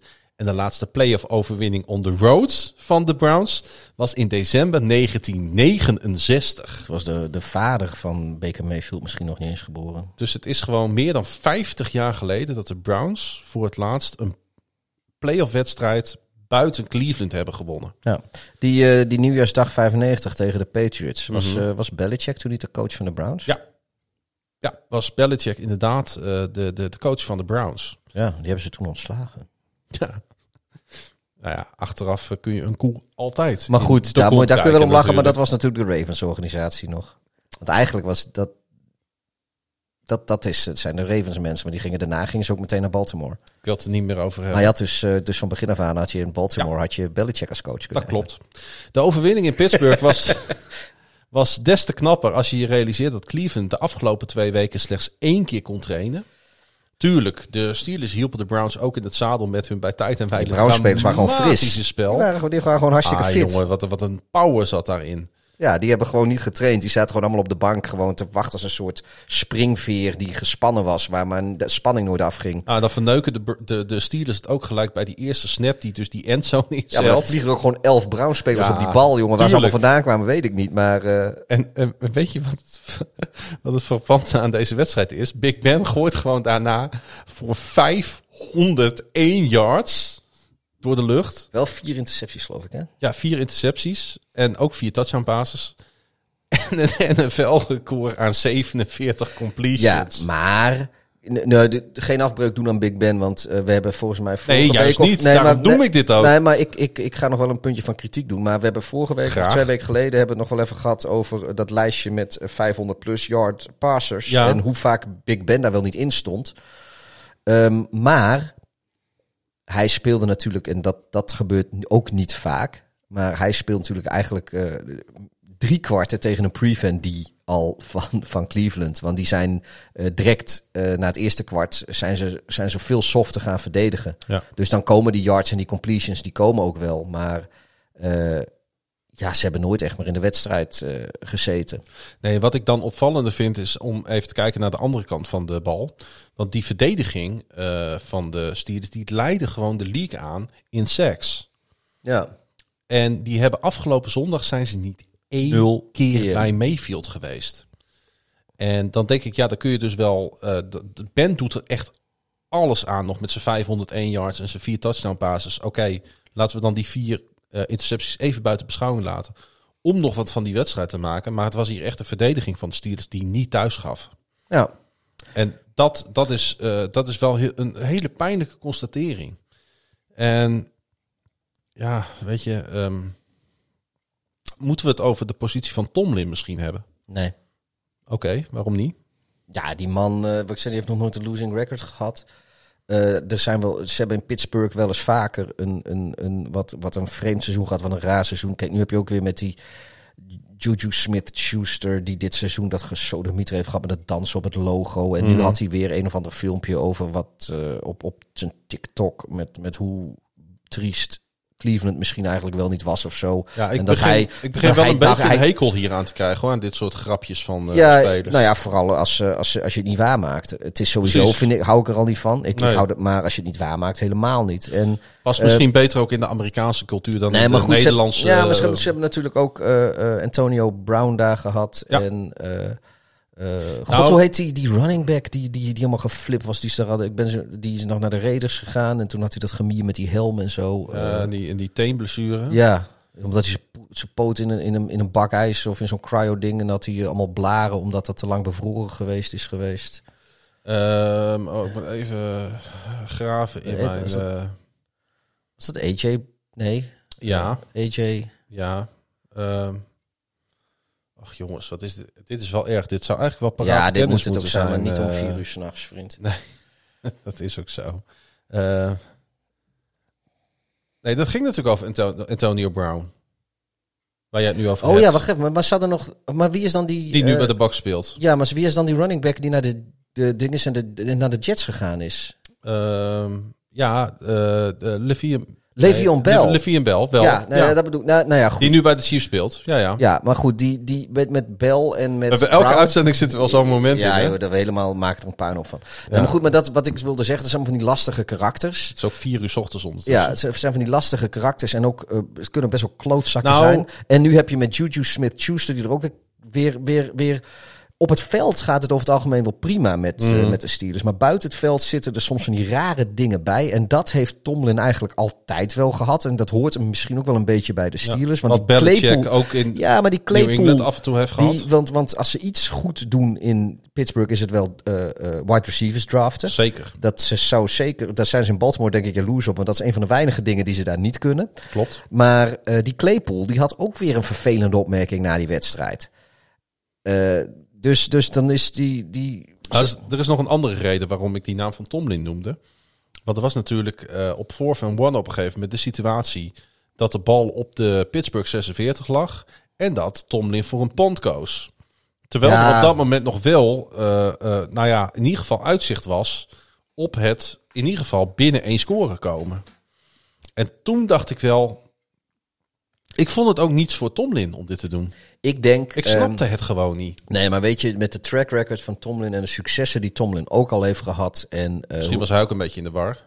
Nee, ik denk dat alles wat er gebeurd was. Ik de denk dat. Tomlin wel gewoon. Ja, het klinkt misschien als een beetje een loser mentaliteit. Maar ik denk dat de track record van Tomlin eh, eh, indrukwekkend Ja. genoeg is om, om dat. Maar, Maar hij resultaten weet- uit hij- het verleden, bla bla bla. Nee, nee, nee. Maar weet je, hij weet gewoon, fuck it, weet je, het zit er gewoon niet in. Het, het laat maar. Nou, hij zei na de wedstrijd, hij zei, ik, ik wou ehm, de Browns vastzetten met de kont in de eigen endzone. Maar dat mislukte En dan, hopeloos. en dan een turnover forceren. Ja, dat bijvoorbeeld. Alleen de punt resulteerde in een touchback. Ja, nou ja, dan is het dat. Ja, en toen dat- was het over. Ja, nee, maar goed. En ook was die drive eh, vanaf eh, na die touchback leidde weer gelijk tot een touchdown. Dus ja, achteraf eh, zou je kunnen zeggen, was het een blunder. Aan de andere kant, het had misschien weinig uitgemaakt. Ja, weet je, dat- de dat- Browns waren zo on fire. dat, dat en soort dingen gebeuren gewoon. hebben ik, dat ik vind geweten. niet, ik vind niet dat je hier aan de, aan de dat, dat dit iets zegt over de positie van Tomlin. Maar goed, het kan wel zo zijn dat misschien eh, Tomlin en, eh, en de Steelers gezond uit elkaar moeten gaan. Zonder en dat ze allebei een nieuwe, wat nieuws kunnen gebruiken. Hey, dat, laten- dat zou wel kunnen. Laten we dit weekend achter ons laten en vooruit gaan kijken naar de nog vier wedstrijden die er op programma staan. Het gaat nu echt slinken. We gaan nu echt naar het einde toe. Oftewel de Divisional Playoff Round in de NFL. Ja. Die wordt op eh, zaterdag eh, 16 en zondag 17 januari, komende zaterdag en zondag gespeeld. Met allereerst op eh Lambeau Field om, eh, moet ik het goed zeggen, 22 uur 35 Nederlandse tijd. Het duel tussen de LA Rams en de Green Bay Packers. We gaan daarbij ook gelijk eh, voorspellen. Want eh, het heeft weinig zin meer, want jij hebt gewonnen over het hele jaar. Ja, maar we zijn, er- ik, heb, ik hou aparte postseason statistieken bij en daar staat het, eh, is, is het nog open. nee, maar ik voorspel, hier alvast heb ik wel zeggen, want ik heb het een aantal keer eh, geroepen, eh, een aantal weken geleden al, het eigenlijk wel een beetje voor dat Goff stuk ging en weet ik wat. Maar goed, eh, en Aaron Donald nu. Maar eh, ik heb altijd eh, geroepen dat de Rams een hele slechte matchup zijn voor Green Bay. En dat denk ik eh, nog steeds als, als Goff eh, weer iets fitter is en, en Aaron Donald ook meedoet. Nou, ik denk de manier waarop de Rams ook na rust tegen de Seahawks hebben gespeeld, dat dat alleen maar jou versterkt nog. Dat ze zelfs zonder Aaron eh, Donald. Ja, nou ja, goed. Ik denk wel dat, dat kijk, ehm eh, Het is niet play, zo dat het alleen Donald play- is Ja, nee, hè? maar play, playoff Rodgers eh, in zijn huidige vorm, eh daar moet je wel van goede huis komen. Zeker, het is op Lambo. Eh, ik weet niet hoe het weer in Green Bay is. Ik had Rond wel- nul op dit moment. Heb ik toevallig naar gekeken. Ik heb namelijk. wel eh, gehoord dat voor Buffalo in de Ja, middag gaat sneeuwen. waren, Het waren gaat sneeuwen dit weekend. Daar kan het sneeuwen. Ja, dan, het gaat het hele weekend sneeuwen. In ieder geval eh, Ja, nee, wat een gerede kans op sneeuw. Ja. Maar goed, eh, ik nog, wat, Zeg wat ik zeg, de Rams, want dat is dus, dat, ik moet dat wel zeggen. Oké, ga ik voor de Packers. Eh, de nachtwedstrijd eh, voor ons, dat is kwart over twee Nederlandse tijd in de nacht van zaterdag op zondag. De Baltimore Ravens op bezoek in Bill Stadium, Orchard Park, New York, Buffalo Bills. Ik ga hier natuurlijk voor de Ravens, dat snap je wel. Ik, eh, ik ga voor Buffalo. Ook dat is. Dat sprookje wil ik, wil ik ook wel in leven houden. Ja, ik wil graag mijn eigen sprookje in leven houden. Dan Arrowhead Stadium, Kansas City, Missouri. De Cleveland Browns op bezoek bij de Kansas City Chiefs. Ik denk dat het sprookje van de Browns hier stopt. En ik denk dat niet. Ik, van mij mogen ze ook doorgaan hoor. De Chiefs hebben al gewonnen, maar goed. Nou, weet je wat awesome zou zijn, Pieter? Als de Ravens winnen en de Browns winnen, dan wordt het dus Browns at Ravens in Baltimore voor de AFC Championship game. Maar waarom zou dat leuker zijn dan Bills en Browns bijvoorbeeld? Want dan weet je zeker dat de AFC Super Bowl team, dat wordt gewoon een team, dat, dat is gewoon een afvaardiging voor de ages. Ja, maar dat geldt voor alle vier. Nee, want Baltimore die heeft pas geleden nog gewonnen. Nee, en, de, en, en de Chiefs die hebben, die hebben vorig jaar nog gewonnen. En nee, ik, ik zou een AFC Championship game tussen de, de Browns en de Bills. En dat, dat die potentieel is die er. Ja, dat zou fucking awesome zijn. Eh, eh, Ja, voor jou niet, maar voor nee, mij wel. Objectief snap, voor ik, mij. snap ik wel wat je Ja. zegt. Ik ben het ook wel met je eens. Alleen ik zou ergens natuurlijk een, een, een clash tussen de Ravens en de Browns. En we hebben eerder dit se- seizoen gezien natuurlijk in Cleveland. Bij die Monday Night Football game. Die, die de, zo ongelooflijk Ja, maar gaaf daarom, was. gaat, eh, daarom gaat, eh, gaat het alleen maar tegenvallen als er nog een keer Ah, dat zou kunnen. Nou ja, goed. Ehm, ik ga toch voor de Browns. Die wedstrijd wordt trouwens gespeeld. Om de mensen daar ook nog even eh, in mee te nemen. En dan moet, moeten we het even goed zeggen. Eh, hoe laat begint hij dan? Om vijf over negen. S'avonds. Ja, s'avonds. Wat afwijkend tijdstip. Vijf over negen Nederlandse tijd. Want de laatste wedstrijd begint om 12 uur 40. Dus dat is tien over half één s'nachts. Het is wel fijn dat op zondagavond, denk ik voor de meeste mensen, het geen nachtwedstrijd is. Nou ja, dit is voor heel veel mensen al nacht. Het Voor is een ons- nachtwedstrijd. Wij, zien dat anders. Hij begint alleen niet om half drie. Ja, oké. maar De Buccaneers eh, op bezoek bij de Saints. Oftewel Tom Brady tegen Drew Brees. Het is natuurlijk, ja, een, een- een- ik denk dat, dat, dat Ik- hier heel veel Amerikanen voor gaan zitten. ik wil graag denken dat Tom Brady voor de derde keer zich door de Saints laat verslaan. En ik denk dat ook. Ze zeggen hier allebei de, de Bucks. Ja, ik, ik, denk, ik denk zelfs dat, ik denk namelijk, ik, eh, ik denk dat de Buccaneers namelijk de Super Bowl gaan halen. Ik denk, Dat, is eh, nu al, dat was al mijn Super Bowl pick, maar daar blijf ik bij. ik denk namelijk dat eh, de, de, de Bucks defense, die is echt zo slecht niet. Zeker niet. Die run defense is geweldig. En hoewel het allemaal weer wed- wedstrijden in isolatie zijn, vond, moet het nog vond zien, ik hoor, de, vond ik de Camara. Saints ook niet heel indrukwekkend tegen de Bears. nee, Camara nog niet eens 100 yards gehaald. Terwijl de, terwijl de Bears eigenlijk, eh, ja, ik, 99. het, hij, is nog, hij is nog niet gevallen dit, eh, deze uitzending, maar de Bears zijn dit seizoen best wel een knakenteam. Mhm. En eh, ik had, ja, ik weet het niet. Ik, Maar er is geen enkel team, Pieter, wat, eh, wat met echt op de Browns na, maar die kwamen ook nog semi in de problemen naar rust. Wat, want die hebben wel heel veel punten geslikt. Beetje zorgwekkend veel punten nee, zelfs. maar ik bedoel, kijk, als... als er is als, geen enkel team wat echt, echt overtuigd heeft, anders dan de Browns in de eerste helft. Nee, maar daarom denk ik dat, eh, dat Brady, die, eh, die, twee keer van Breeze verloren heeft... ik denk dat, dat, dat hij dat niet nog een derde keer laat gebeuren. Dat, dat denk ik echt niet. Nee. Ik, ehm, ik ga voor Tom Brady in de box. En jij ook. Ja. En dat mag. hey, ehm, we kijken er naar uit. Naar deze vier wedstrijden. Betekent dat de podcast steeds een klein beetje korter wordt. Nou, nou, het is het, we zitten nu op een kwartier, twee uur en een kwartier. Ja, goed hè? Jongen, jongen. Maar het zit er wel op. En dan zijn er nog zoveel dingen die ik niet verteld heb. Kun je nagaan. Dat ga ik ook niet meer doen. eh. Ik wil in ieder geval iedereen eh, bedanken voor het luisteren naar eh, weer een eh, legendarische aflevering van NFL op woensdag.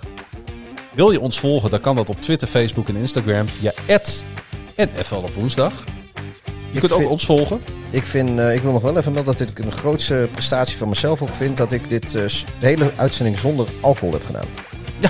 Dat ben ik met je eens. Ik, heb, ik, heb Ik ben nog nooit zo lang achtereen nuchter geweest volgens mij. In je leven. Nee, we zitten al gauw op. Nou, sinds, sinds, sinds mijn veertiende. Twee uur en eh, elf minuten. Mijn Eh, ouders zijn zo trots op me nu. Wil je eh, Pieter volgen op Twitter, dan kan dat via @darf_hideous. Wil je mij volgen op Twitter, kan dat via dat Dubbel A, dubbel S, dubbel N. Wil je onze, onze, onze, onze podcastmoeder volgen, dan kan dat via KVM Media. Ook via al die mooie social media kanalen. Wil je naar andere podcasts luisteren van KVM Media? Neem dan even een kijkje op kvmmedia.nl. Wij zijn er volgende week weer. En eh, namens mijn eh, co-host Pieter wil ik jullie bedanken voor het luisteren naar NFL op woensdag. Seizoen 1, aflevering 18. Beste maar weer.